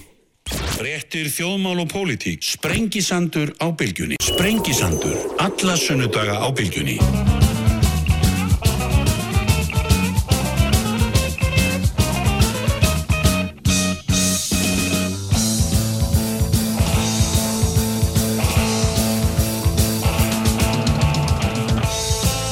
Sæli hlustendur, þá er þeir farið frá mér Helger Hafn og Brynjar Níelsson. Uh, ég ætla aðeins að halda áfram hérna að ræða svona um efnaðarsmál, uh, daldið á svona áfram frá því í morgun, uh, ræða aðeins um þessi verkveld sem hafa verið, uh, það hafa verið umræðum fátækt og, og hérna á launamun og, og þetta er allt saman einhvern veginn undir í þessu annars svona friðsala samfélagi. Ég ætla að heyra líki í honum viðri Þorstinsinni, Frankvændastur Eflingar hérna eftir, eftir augnablík og þarna hann ætla aðeins að svona segja okkur hvernig staðan er í samningamálunum hjá, hjá þeim en þau eru sest hérna hjá mér Kolbeinn Óttarsson Proppi, Bryndís Haraldsdóttir, Jón Stendur Valdimarsson og Gunnar Smári Egilson hérna það er svona ég veit ekki það er, mér finnst það svona uh, áhugavert, það er, það er hérna það er þessi launamun sem við hefum verið mikið að ræðum hérna uh, þessar launalágu konur, við hefum verið að ræða fátækt við erum með verkvall í gangi, það er svona það er í gangi eitthvað svona mat og svo erum við með uh, versnandi efnaðsastæður inn í þessu öllu saman og kofiveru og einhver sagði þarna og guðla viðvarnir og það vantar ekkert um að ég skalt á eða eða eldgós, þá var þetta fullkomnað. En hérna, hvað er svona, Gunnar Smári, þú byrjar svona stöðlega aðeins að hérna, meta svona þessa undirliggjandi ströyma sem ég er að nefna hana. Já, í, þá í verkvöldunum. Já, já, já. Í- nei. Það held ég að við séum stöndum frammi fyrir því að, að svona frá hruni að þá hefur ákveðin hópur uh, launafólks sittið eftir. Uh, það er fólk sem er til dæmis á leikumarkaði. Það sem að allar þær kjarabætur sem komu fram í samningunum bæði núna síðast, það er kannski ekki komið reynsla á það en, en fyrir samningum sem að leitu til uh, kaupmátraukningar sem að mátti sjá mælast í, í tölum að ef að þú skoðar stöðu fólk sem er á leikumarkaði að þá fór allur þessi kaupmáttur, all þessi kaupmátraukning fór til leigusalana þar sem að ríki tók ekki vegna hærri launa. Og það er fólk sem að situr eftir og hefur upplifað bara algjör stöðnun í, í sínum kjörum. Og þegar að stjórnvöld skilja hóp eftir í, í slíkri stöðu að þá er náttúrulega eðlilegt að hann rýs upp og hann sætti sig ekki við annað en að fá bót sinna kjara, sérstaklega í ljósi þess að aðrir hópar í samfélaginu hafa fengið miklar kjarahækanir, meðal annars uh, fólki sem er núna verið að semja við, uh, borgarföldrúar og, og, og þingmenn og ráðarar hafa fengið mikla bóti sinna kjara, á meðan að þetta fólk er bara að skilja eftir. Og þetta er bara, uh, það má líta á þetta sem svo að, að þarna eru stjórnvöld, ríkis og sveitafélaga að mæta raunverulega vannrækslu sinni í því að mæta um, uh, þörf fólks í húsnæðismálum sérstaklega eftir hrun þegar 10.000 fjölskyttu mistu heimilsitt uh, ferða, aukningi ferðaþjónustu og mikið álaga á húsnæðiskerfi sérstaklega hér í Reykjavík bæði út af uh, Airbnb en líka vegna þess að, að það var uh, mikill innflutningur vinnuafsefna sem að þurfti ekkert að búa Uh, það var ekki, þessu var ekki mætt og þetta er springur í andlitið á uh, ríki og sveitafélag núna því að, því að ef að, ef að þú hérna ert ekki með almennar aðgerðir til þess að, að bæta kjör uh, þeirra sem eru valdalitlir og með veikastuði í samfélaginu að þá eins og með húsnæði eins og með barnabótum, húsalegubótum eða einhverju slíku. Ef það er ekki, þú gerir ekki nóg í því, að þá verður að bæta þau upp með laununum mm. og það er staðan sem er núna mm. og þá segja menn, ok, nú erum við bara með þá stöðu að efnast aðstæðan bjóð ekki upp á þetta já, þá menn að koma, koma ykkur aðra lausn og þú verður að virka strax, þá verður bara að hafa tímabunnar, launahekkanir þar til að það búið að laga húsnæðismálið eða eitthvað sko, því það er ekki hægt að mæta þessu bara með einhverju, bara sorry -hmm. Kolbjörn, ef þú tekur hérna, hennar bolta Já, ég er alveg sammálað þessari greiningu á Æ, hvaða, hópur, hvaða hópur það er sem að því miður hefur staðið út undan í öllu því góða sem hefur gert eftir hún, það eru akkurat leyendur og hefur enda lengi talað fyrir því að það eru sérstaklega að huga mm. þeim hópi. Þannig að ég get bara algjörlega verið sammálað þeirri greiningu á stöðu leyenda stjórnvöld í það minnst að ríkistofnum sem ég tilhjóru ég er endar held mjög víðar um, í sveitastjórnum við á land, við horfum á, á, á borgina líka til dæmis, hafa verið að huga sérstaklega að þeim hópum sem að hafa lægstu launin. Uh, lífskjara samningarnir eru náttúrulega gott dæmi um það hver er vilji stjórnmálta með það. Þannig að það er auðvitað að það þarf að virkilega huga vel að þessum hópi. Mm -hmm, mm -hmm. Við ætlum að reyna hérna, ná svona í viðar Þorstinsson hérna rétt á meðan Jón Steindur, hérna, ég þurfti að stela mikrofónunum þínum, brindist rétt á meðan, hérna, við erum ekki með fleiri. Jón Steindur, hérna, aðeins þessi mat, þitt mat á þessari stöðum? Já, já, ég held að uh, það sé margt til í því að, að hérna, því að það eru eina grundvölda þörfum okkar allra er að eiga þakk yfir höfuðið eða hafa þakk yfir höfuðið og, og þar hefur ekki tekist eins vel til og skildi þannig að því leiti til er ég alveg sammála því en síðan held ég að það sé líka auðvitað viss um, eða það eru ströymar í samfélaginu sem eru að, að horfa mjög til, til dæmis uh, kjara kvennastjetta mm.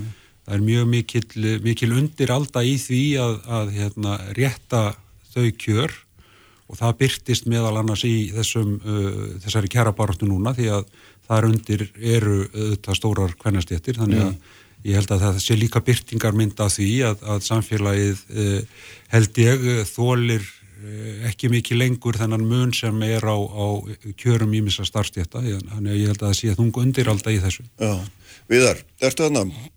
Já, ég er ég, góðan daginn. Já, og blessaði, góðan daginn. Hérna, Örstuðt bara frá þér um, um stöðuna núna í hérna í þessum hérna samningamálum ykkar. Mm -hmm. uh, Já, það, hún er þannig að við erum að ganga til fundar núna klukkan 2 eða framhaldsfundar uh, með Reykjavík og Borg og, eh, og já, við bara hérna eh, já, já, bara sjáum bara hvað hva setur þar. Já, við náttúrulega erum hérna mjög ánað með það að hafa lokað ágætum samningi í, í gær með hérna Gagvart Íslenska ríkinu sem að hérna er stór áfangi. Þetta eru, eru þessi þrýr útistandandi ofnbjörn sem við erum núna með að semja við og það eru Sveitafjörðan Reykjavík og Borg og Ríkið og við sagt, já, náum þarna bara ásættilegri lendingu með ríkinu, það gerist bara mjög rætt og vel nánast á, á svona eh, innan við 24 tímum bara mm. kemur samningstilbóð frá ríkinu sem að, að hérna bara er mjög boðlegt og býður upp á svigurum til að gera í raun og veru í krónum og örum akkurat það sem að við höfum vilja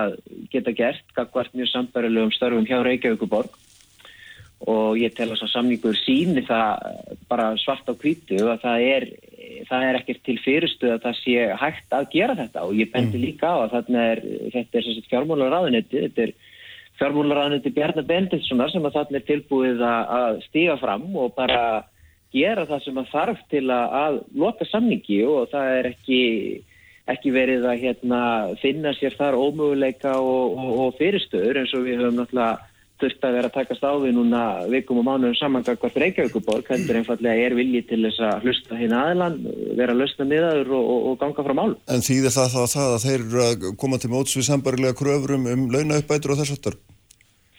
Já, sko, það eru farnar ólíka leiðir í þessum samningum, þeir eru uppbyggingin í þeim er, er aðeins ólík, Rí, ríkis samningar eru hérna eru, þannig erum við alltaf að tala um fólk sem er að vinna mestangis á landsbytalanum sem er svona sjálfstæð stopnun innan hins ofnbæra en eh, netto niðurstaðan sem þarna fæst, hún er svo að þarna er skapað svigurum og trygging fyrir því að hægt verði að gera uh, sambarilega launaleirikningu og þá sem við höfum verið að tala um. Reykjavíkuborg og sem við höfum sjálf náttúrulega bara raukstutt að, að hafi falist í yfirlýsingum borgarinnar sjálfrar og borgarstjóra í fjölmjölum núna síðustu vikur. En hvernig metur stöðu nefnt í því að því að nú er, hérna, er margt barnafólkið held í orðið ansi óþreyfi fullt eftir því að svona lífi komist í samtlag aftur. Hvað verður hérna, heldur verkvall áfram á morgun? Þa, það náttúrulega bara getur farið eftir því hvað gerist á þessum samningafund í dag. Uh, það er náttúrulega ekki bara... Þið eitthvað, eitthvað ljós, ljós í því eða hvernig, svona, hvernig er, er langt á millið að stutt eða maður spyrja nú klassíst sko? Já sko það sem að hefur verið að gerast á samningafundunum okkar núna fyrir helgi hefur í raun og veru bara verið það að við höfum verið að fá sagt, langfráð svör og skýringar við atriðum sem að hafa því meður verið mjög óljós og, og svona loðin og tvíræð í því sem við höfum verið að fá frá borginni. Og þá er ég ekki bara að tala um ósamræmið milli þess sem hefur verið kynnt við borðið og, og umhverja borgarstjóra heldur ég að bara svona, já já svona ónákvæmni á eila bara öllum stegum áls. Og við höfum svona fengið skýrari mynd af því sem að, að borgin er að, að, að bjóða. En e, það, það, það hefur ekki þýtt hvað að við séum endilega að sjá að aðilar hafa eitthvað fæst nær að svo komnu máli en það má vera að það breytist á þessum fundi í dag klukkan 2 og það ætla ég bara sannarlega að vona. En borginn þarf þá greinilega að koma með eitthvað meira á borðinu, ert að segja úr það er það ekki? Það er alveg deginu ljósara að borginn þarf að standa við sínar eigin yfirlýsingar og fyrirheit eh, sem hafa byrst í yfirlýsingum borgarstjóra og í yfirlýsingum á bara vefsíðu borgarinnar sjálfrar og svo framvegis og framvegis og við mhm. teljum auðvitað líka að uh, ríkið hafi með sínu fordami hérna frá því gæðir bara einfallega sínt að þetta er uh, vel hægt og ég vil líka segja við í eflíku áttum okkar á því að núna er runnin upp stund þess að sjá til lands og fara að loka kjærasann. Við gerum okkur grein fyrir því að það er hér að, að fara að stað svona uh, mögulegt uh, alvarlegt óvissu ástand í samfélaginu núna á næstu dögum og, og vikum. Og við tökum það verkefni mjög alvarlega að það sé bara gengið til verka og gengið frá málum. En við náttúrulega höfnum því að, hérna, að valda öflin hérna í landinu fari að notfæra sér það ástand til að skjóta sér undan því að einfallega gera það sem þau sjálf hafa gefið fyrirhætt um að, að eigi að gera. Það finnst mér ekki uh, boðlega niðursta í, í málum og ég bara vona það heitt og einilega að við sjáum hérna uh, raunverulega breytingu hjá Reykjavíkuborg í dag á, á samlingafundinu klukkan 2. Ljómandi viðar, takk fyrir að vera með okkur. Þú stuttvari. Takk fyrir. Takk, takk. Herri, þá haldum við áfram Bryndís hérna. Já, já, já, það er bara opið mæk núna. Hérna, nei, við vorum aðeins að reyna að leggja mat á hérna, undirlikjandi ströymæðis og, og nú sjáum við það að það eru svo sem, það er svo sem, ég veit ekki hvernig þið metið þetta, mjög svona, svona, neitt sérstatt samningarljóði í þessu, þó að, auðvitað, en það mist, þú veist, þið þurfti að koma eitthvað verulega móti. Nei, aðeins varandi það sem við vorum að ræða hérna áðan, Já. sko, það er alveg ljóst að hérna, kaupmáttur allra tekjutíunda hefur vaksið og vaksið verulega á síðustu árum. Það er samt alveg rétt sem að Gunnarsmári segir að það eru auðvitað ákveðin hópur hérna sem er á le leigumarkaði sem að hefur vantarlega kaupmáttaukningin hefur farið í miklu mæli í það að standa undir hærra fastegnaverði. Og hvað er undirliggjandi vandamál þar? Það eru auðvitað frambóð skortur. Eftirspurnin var meir en frambóð og frambóði var ekki hérna í anda þessum eftirspurnin var. Það er að segja að hér var verið að bjóða þá meira af stærri og dýrari húsnæði þegar Mm. skorturinn var fyrir minna og ódýrar húsnæði. Og þar koma sveitafélaginu auðvitað mjög stert inn.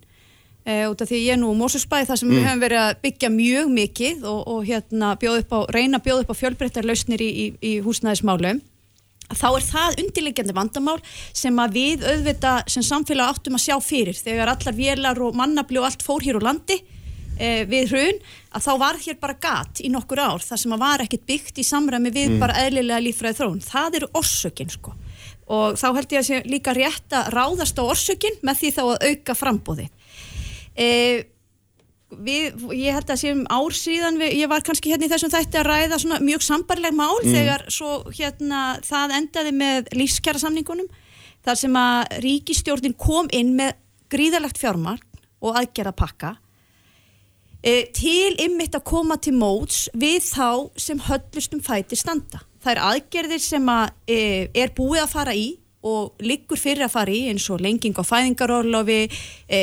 hérna, auðvelda fólki að eignast fasteignir, jafnvel koma líka einhverjum böndum á leigumarkaðin, e, hérna, húsalegabæturnar, badnabæturnar og, og allir þessi þættir sem ríkistjórnum kom inn er auðvitað risastór pakki.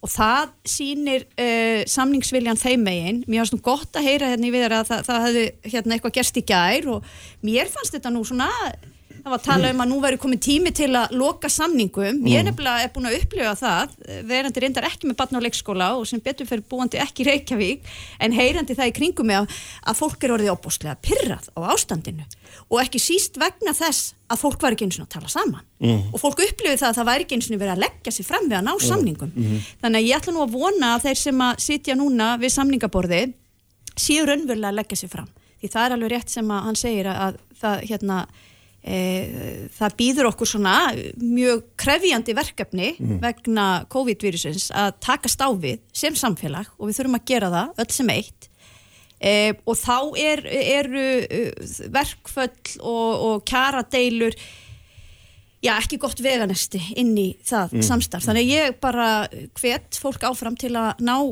samningum og, og einblýna á lausnirnar og ég held að mörguleiti að, að það ætti nú svolítið svona liggja fyrir með lífskæra samningunum, hvert var verið að fara þar. Ég meina nú er búið að vera að vinna líka sérstaklega með vaktavinnufólkinu og, og breyta álæginu þar við höfum verið að tala um laun kvennastjetta eh, og það eru nú ofti mitt í sko vaktavinnunni og þá er mikilvægt að horfa til þess það er mikilvægt að horfa Mm. til þess að við erum að sjá allt og mikið af konum koma hér inn á örurku eh, eftir að hafa verið að vinna sína vaktavinnu hér í, í fjölda ára og þetta er eitthvað svona samfélagsástand sem við verðum að takast á við og ég vona að, að við séum á, í, á þeirri braut Mm En hvers vegna, hérna, Kolbjörn, þú sem svona vinstrimaður, hvers vegna er svona mikil harka í þessu og líka svona, hérna, hvað er það sem að menn hafi ekki náð saman? Er, er, er vinstrisæðingin þessi gamla hefbundin, er hún búin að missa tengsli verkefliðsæðinguna? Í samningunum? Já, þeir nú erum við nýbúin að skrifa undir lífskjara samning sem að allir virtust nú vera óskaplega ánaði með, svo, svo hérna kemur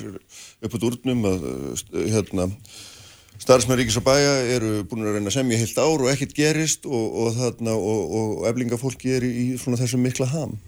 Já, ég þakka tröstið að það ætli mér að, að, að hérna, gera það sem að fjölmjölum hefur ekki tekist núna mánuðin saman að segja nákvæmlega hvaða er sem að, sem að greinir á milli. Það er svona fjekkið. Nei, en, en, en það er alveg rétt. Við, uh, það hefur ekki tekist að ná saman. Þetta eru að, þetta er náttúrulega ólíki samningar. Við skulum hafa það í huga. Uh, skulum líka muna til dæmis starfsgrunnarsambandi skrifaði undir samninga fyrir hvað eða útlínur að kjæra samningum þess að það kalla, fyrir hvað tveimur þrjum vikum og kláraði svo á fyrsta. Ebling sandi svo við ríkið í gær. Þannig að þetta er hægt, hvað var það ofnbæra markaðin, þá eh, er staðan svo að við erum að horfa sennilega þegar við búum að ganga frá kjærasamningurum sem auðvitað verður á endanum, vonandi bara í dag. Þá eh, held ég ekki setja fullir það að við séum að horfa á mestu breytingar á íslensku vinnumarkaði í svona halva öll. Mm -hmm. Það var þar vinnutíma. Þetta er flókið útfæslu atriði þegar kemur að vakta vinnu og, og það tók tíma að, að hérna finna át úr því, það hafðist og það er til dæmis hluti af þeim samningu sem að starfsgrunarsamöndi skrifaði undir. Um, þannig að ég bara vona það einilega að, að þetta náist. Um, það er aðeins sínt að þeir geta samið mm. með þessum en samningum ekki, sem við erum að... Þessari svona hörku sem er í gangi? Ég hugsi svo miklu, Kristján, það er nú eiginlega svona skýringin af mér. Ég er bara að lýsingin af mér, ég skil vel að fólk fari í aðgerir til að krefjast þess að fá laun sem það lifir á. Það er nú bara grunn þátturinn í mér og, og, og hefur verið, verið þannig alla mína hönsugota tíð.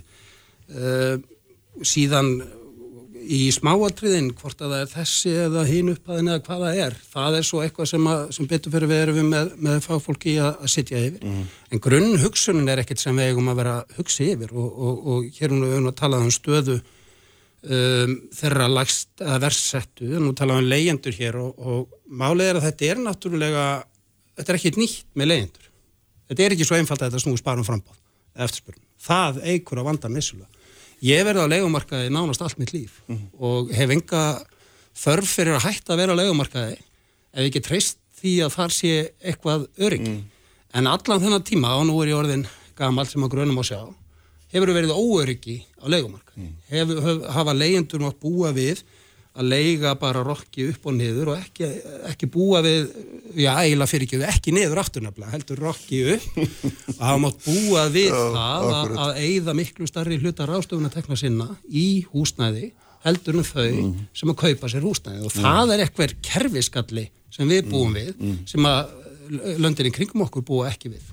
Hérna, Gunnar Smári, hérna, sko, ég þykist þekkja, hérna, eða kenna einhverja svona hérna, deilur á vinstrifængnu núna þar sem að hérna, sósialistar, þar sem að þú hefur nú verið innan búðar og eflingafólk er að hérna, leggja hluti með öðrum hætti heldur en að aðri vinstrifinn hafa verið að gera undarfjörðu og það sé ákveðin hugmyndafræðilegur ágreiningur núna.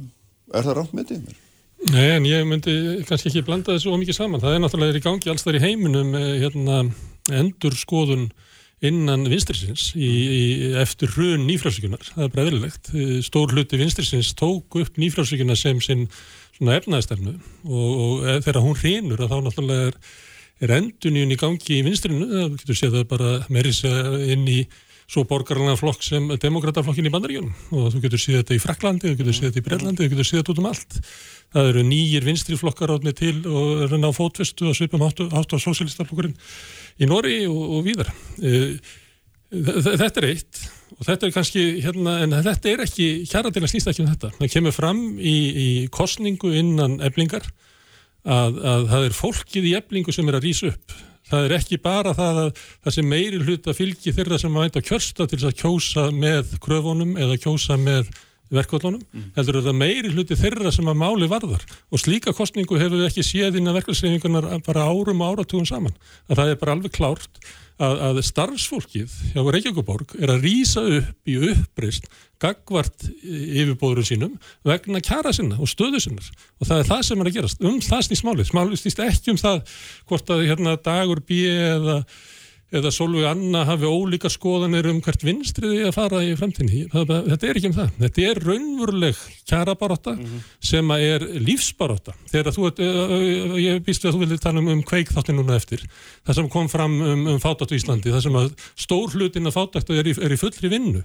Það er þetta fólk sem er að rýsa upp og, og kjarabaróta þess fólks er ekki einhver pérmennska eða eitthvað svona, e, svona einhverjir framapottar að reyna að mikla sér á því. Þetta er bara átt upp á líf og dauða. Hvort þú eigir fyrir mat út mánuðin, hvort að, sko, hvort að lífslíkuðinnar verði skertar vegna að þú þarfst að vera í tveimur og þremur vinnum eða þú rekist út af vinnumarkaði út af vinnuálægi sko upp úr 50 lífsbaráta hinn að fátækustu er bara upp á líf og dauð og höfum að tala um hana þeirri virðingu, þetta er ekki pólitík. Mm -hmm. Við skulum hérna taka nokkru ölsingar og halda svo áfram. Sprengisandur, alla sunnudaga á bylgjunni. Sprengisandur, á bylgjunni alla sunnudasmórna. Sæli hlustendur, þá erum við hérna svona á loka sprettunum, þau eru hjá mér Kolbjörn Óttarsson, Proppi, Bryndis Haraldsdóttir, Jón Stendur, Valdimarsson og Gunnar Smári. Egilson, við hefum verið að ræða þessi verkvöld og og svona reyna að tengja þess inn í svona efnaðinn og þess að það og vorum aðeins Gunnarsmári koma aðeins inn á þennan kveiks þátt um fátækt Jón Stendur hérna, það er náttúrulega daburlegur en orð fór lístafólki ekki fyrir nöðþurstum að fullri vinnu, það verður að segja sér sjálft. En hvernig lítur þá þetta svona, er, er, er, er þetta allt einhvers konar pólitík, er það ekki? Það sem að við erum að gangi gegnum í hérna, endur mati á störfum og endur mati á launabili og hvað, allt hvað heitir og er sko. Já, ég auðvitað eins og aðrir sem horfum á, horfum á, á þennan þátt þá var maður auðvitað uh, slegin yfir, yfir aðstæðum fólks og það leiðir auðvitað hugana því að, að einhvern veginn hefur okkur ekki tekist að, að hérna, útbúa þessi uh, kerfi og, og, og kjör sem að fólk uh, býr við með þeim hætti að þau virki sem skildi. Við erum búin að koma okkur upp alveg gríðarlega flóknum kerfum sem að einhvern veginn rekast hvert á annars hotnum að sjá, það var lísmiðalans í þessum þætti að, að það að fá úrbót á einu sviði sem að lítur við fyrstu sínu vel út, það veldur því að þá e, e, er ykkur annar þáttur í, í mm. þessu kerfi sem við búum við, þá kikkar hann inn og gerir að engu þá umbúið og jápil sko illt verra. Og, og þannig að það er við erum einhvern veginn búin að Vinstruhöndi veit ekki hvað svo hægri gjör það er svolítið þannig, já. Eh, Minnstu virðist við ekki sko hafa yfir sín yfir það hvað gerist ef að færðar eru til skrúur í kervonum sko og það er auðvitað mjög slæmt en, en þetta er auðvitað eitthvað sem við búum við á fleiri sviðum, við vorum að tala um húsnæðismálin áðan.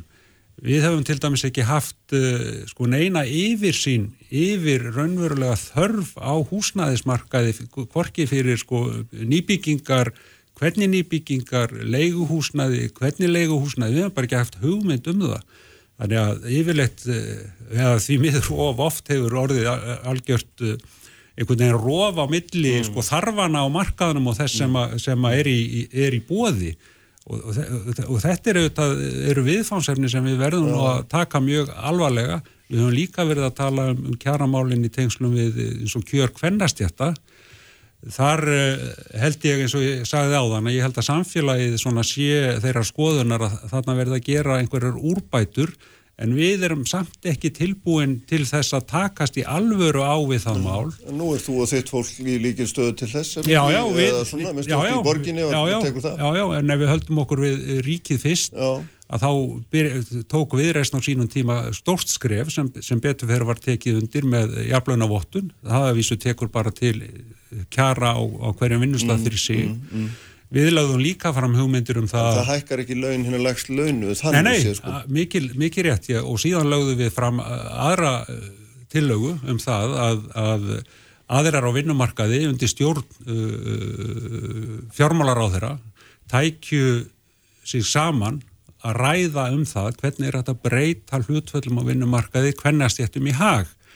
Því miður þá var nú ekki stuðningur við þá tillögu eins og hún var flutt fram og hún var því miður útþynd meðal annars af vinstri grænum sem ekki treystu sér í að takast á við þetta verkefni verkefni sem blasir við að menn ráð ekki við mm -hmm. en maður sé tekið á því sameinlega og það eru þetta sorglegt þannig að það eru margar brottalaminnar í, í, mm -hmm. í okkar eh, kerfi og, og, og, og hverju nálgunst viðfánsefnin mm -hmm sko Bryndís Gunnar Smári sagði að þessi kærabarta núna væri og þessi bartæfninga og, og ég tek, tek það sann eða þetta og þessi fátæktur um að þetta sé einhvers konar barast upp og líf og dauða þessi hérna að við séum með hópa sem við erum hérna búin að fara svo hraksmálega með að þeir eiginlega eiga sér engar, eiga sér ekki verið svona von og þetta alltaf getur ekki gengið. Hvernig sér þetta fyrir að hérna nú erum við kannski ágætum færum við séum alls sammála hér og, og öllum þáttum sem ég verið meðmyndar allir sammála um að kjöra hvernast þetta verið neðan allar hellur og og hérna þetta gangi ekki og það þurfum við að laga þetta en, en svo svona ég veit ekki það vantar kannski viljir allt sem þarf en það er kannski ekki alveg rétt í þessu tilviki sko.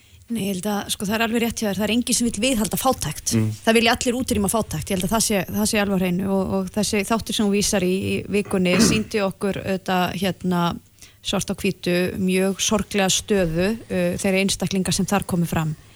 Um, en það sem að ríkistjórnin hefur verið að gera er nákvæmlega að reyna að koma til móts við þá sem að lægstu launin hafa með þessum aðgerðu sem fórum í samræmi við hérna lífskara og ég glemdi nú að nefna á þann, það hlýtur að vera vegna þess að ég sitt með svo mörgum vinstrimannum, ég glemdi að nefna stóra atriði sem voru Mm. skattalækkanir Mm. sem koma best út fyrir þá sem að lægstur hafa launin. En stóra myndinu auðvitað e, snýr að sko jafna, ja, ákveðnu jafnvægi hér í jafnaðarsbúskapnum og það að við skulum hafa náð þessari kaupmáttaaukningu sem við erum búin að sjá hjá öllum tekjutíundum á síðustu misserum á sama tíma og við höfum náðu að halda verbulgun í skefjun og vextir eru í algjörlega sögulegu lámarki og þetta skiptir máli þótt þetta sé bara svona fyrir mörgum einhverja tölur á blaði og fólk segir, heyri, fólk borða þetta ekki? og svona þá skiptir þetta samt gríðarlega miklu máli í stórumyndinni Það sem að mér fannst uh, hérna ábyrjandi, ég get alveg tekið undir það sem Jón Steindor segir að kerfið okkar þegar kemur að velferðarkerfinu, bótakerfinu að þá er það ansi flókið. Og við erum að reka okkur á það að, að hérna, þegar fólk sem er á þessum bótum er að bjarga sem í öðrum hætti að þá er það skert hinum meginn frá. Og, og sumt að þessu er bara gríðarlega ósangjant og við höfum verið að reyna að berjast fyrir þessu gegn þessu og við, við þurfum að halda áfram í því. Það þarf að taka til í þessu kerfi það sem kom ég líka svolítið Þetta er óvart svona áratuga gömur saga, það heyrt þetta í áratugi. Já, er já, já, en ég man nú bara eftir einu máli sem við vorum að breyta, við vorum að fjallum í efnaðs og viðskiptanemnd sem snýri að sko, styrk sem hún færð fyrir hérna, uh, kaupa hjálpatækjum og annað þess áttar, það er mitt að ég ekki að skerða bætuna þeina sem Mhm. er auðvitað algjörlega fáralegt, en, en við náðum því þó í gegn. Mm. Þannig að jú, jú, kannski lítil skref, en það þarf að taka til í stóra kerfinu. En út af við vorum að ræða þetta húsnæðismálum, ég held að þessi allir séu sammála um það, þetta er sko grunnþörf, það er þurfa auðvitað allir að vera með þakk yfir höfuð.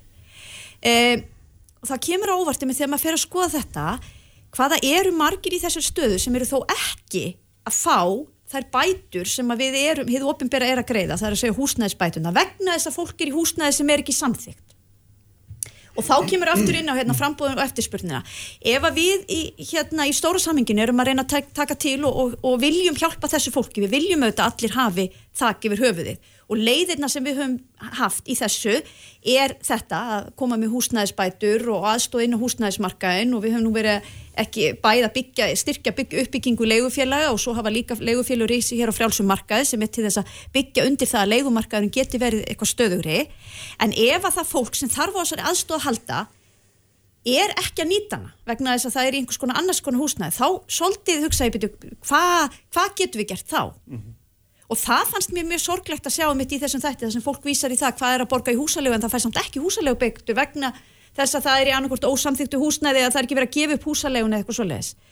Og ég saði nú hérna áðan að það var hluta lífskjara samningun líka hvað við getum gert sem ríkisvald til, a, til að styrk, styðja húsnæðismarkaðin en þá kemur líka því hvað allt er viðkvæmt þetta er risa stór markaður.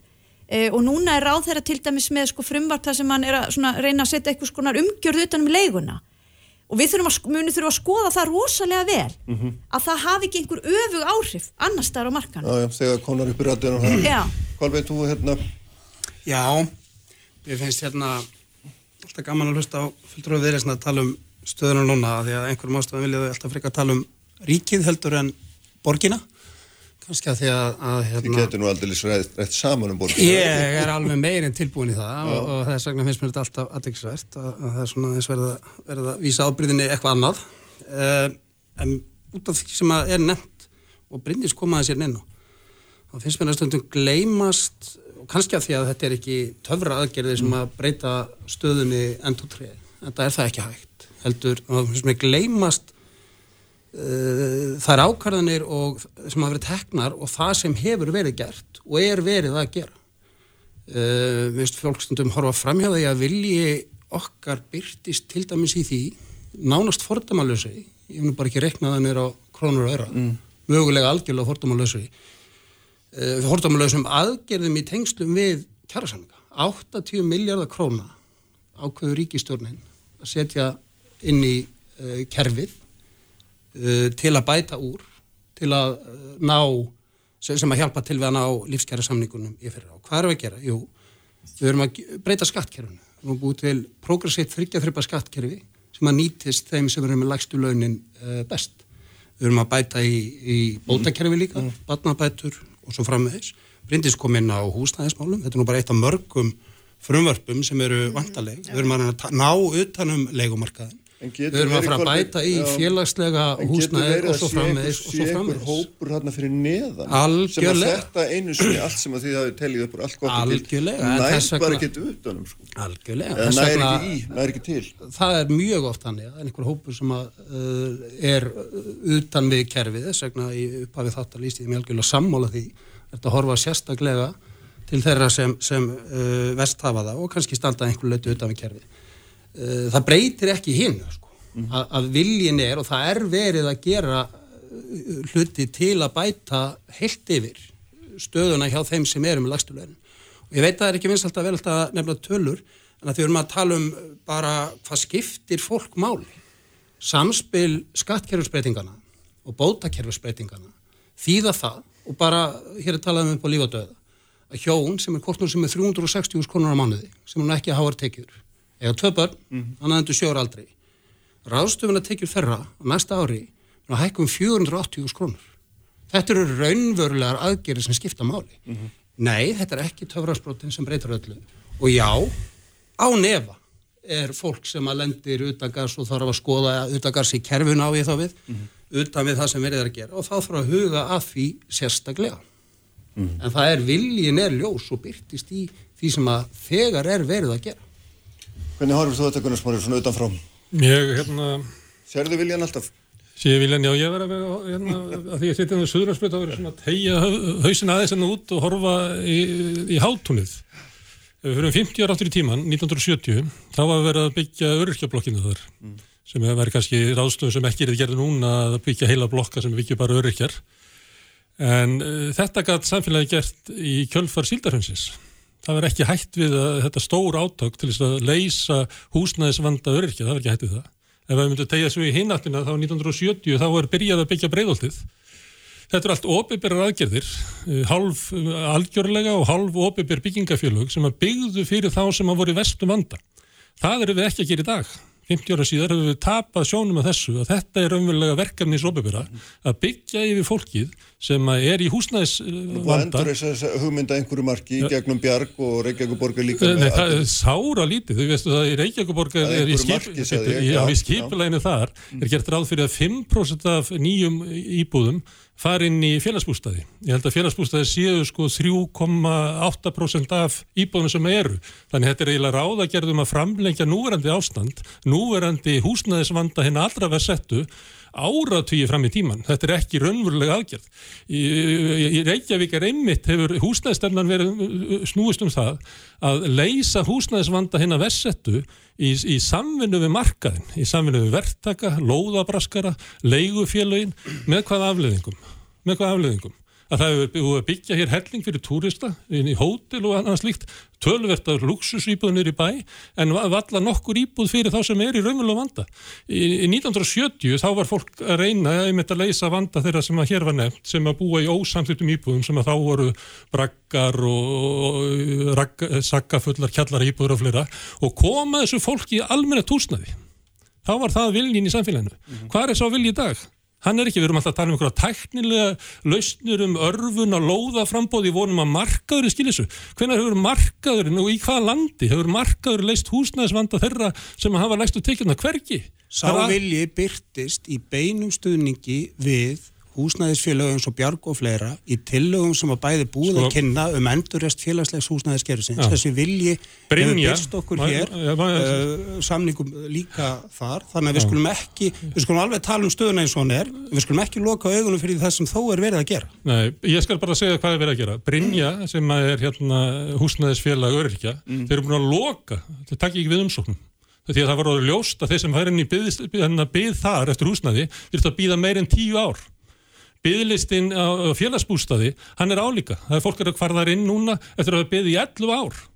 Þú ert á lægstu launanum og þú ert skilin eftir hjá hennum almennu hérna, húsalugu fyrirtæki sem hér var haldið fram að myndi leysa húsna, laga húsnæðismarkaðin þú ert skilin eftir að borga meirinn helmingin af, af ráðstöðunartekjum allt upp í 70-80% af ráðstöðunartekjum mm. til þess að vera í húsnæði húsnæðismál eru óendanlega mikilvægt mál. Það er stundur sagt að sko uh, velferðarkerfið okkar er svona píramíti sem liggur ofan á kúlu sem er húsnæðismálin. Ef húsnæðismálin eru ekki lægi, þá skiptir um lengu máli hvernig við lögum bótakerfið okkar, hvernig við lögum réttindi þeirra sem eru veststatir.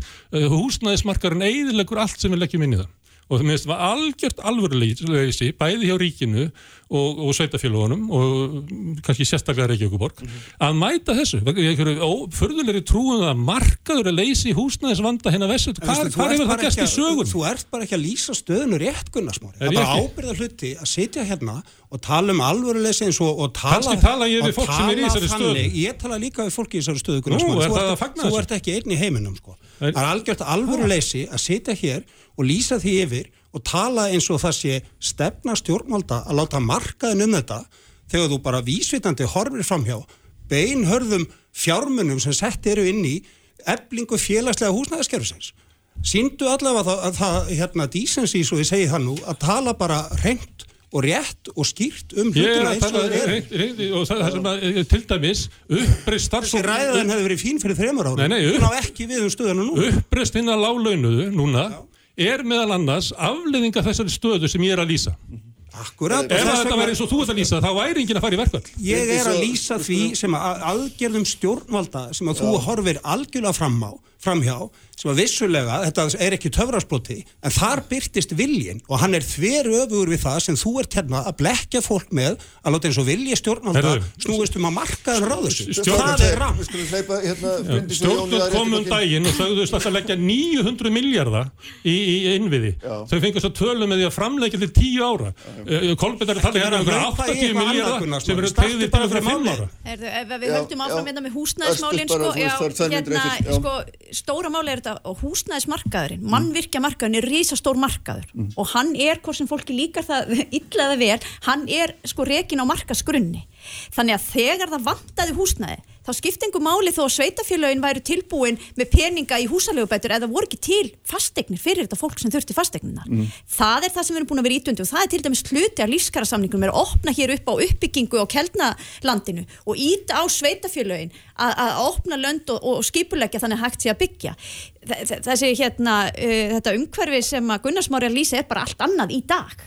Það er bara ekki þannig að sveitafélagin allir fyrir að fara að byggja upp heilu hverfin eða heilu blokkirnar fyrir þá sem verðst standa. Þau eru aftur á mötu með tækin og tólin í stuðningnum til þess. Mm -hmm. Markaðurinn mun byggja þessar íbúðir, sveitafélagin muni annarkort kaupa þær og áframlegin í sínu félagslega kerfi eða þetta fer inn í félög eins og bjargeðana eða hennilega eins og svei, mörg sveitafélög hafa verið að gera þetta í kring bara leia íbúðir og setja þessu áfram inn í félagslega kerfi. Mm. Þannig að þetta er, bara, þetta er bara aðrar önnur tæki og tól sem verið er að beita í þessum efnum en ég held að það sé svo sannarlega verið að gera stóra hluti og ég vona fáir þurfi að upplifa það eða ekki það gefur höfuði hér á Íslandi því það er algjörlega óasettalegt mm. og við getum öll verið sammálið það. Jón?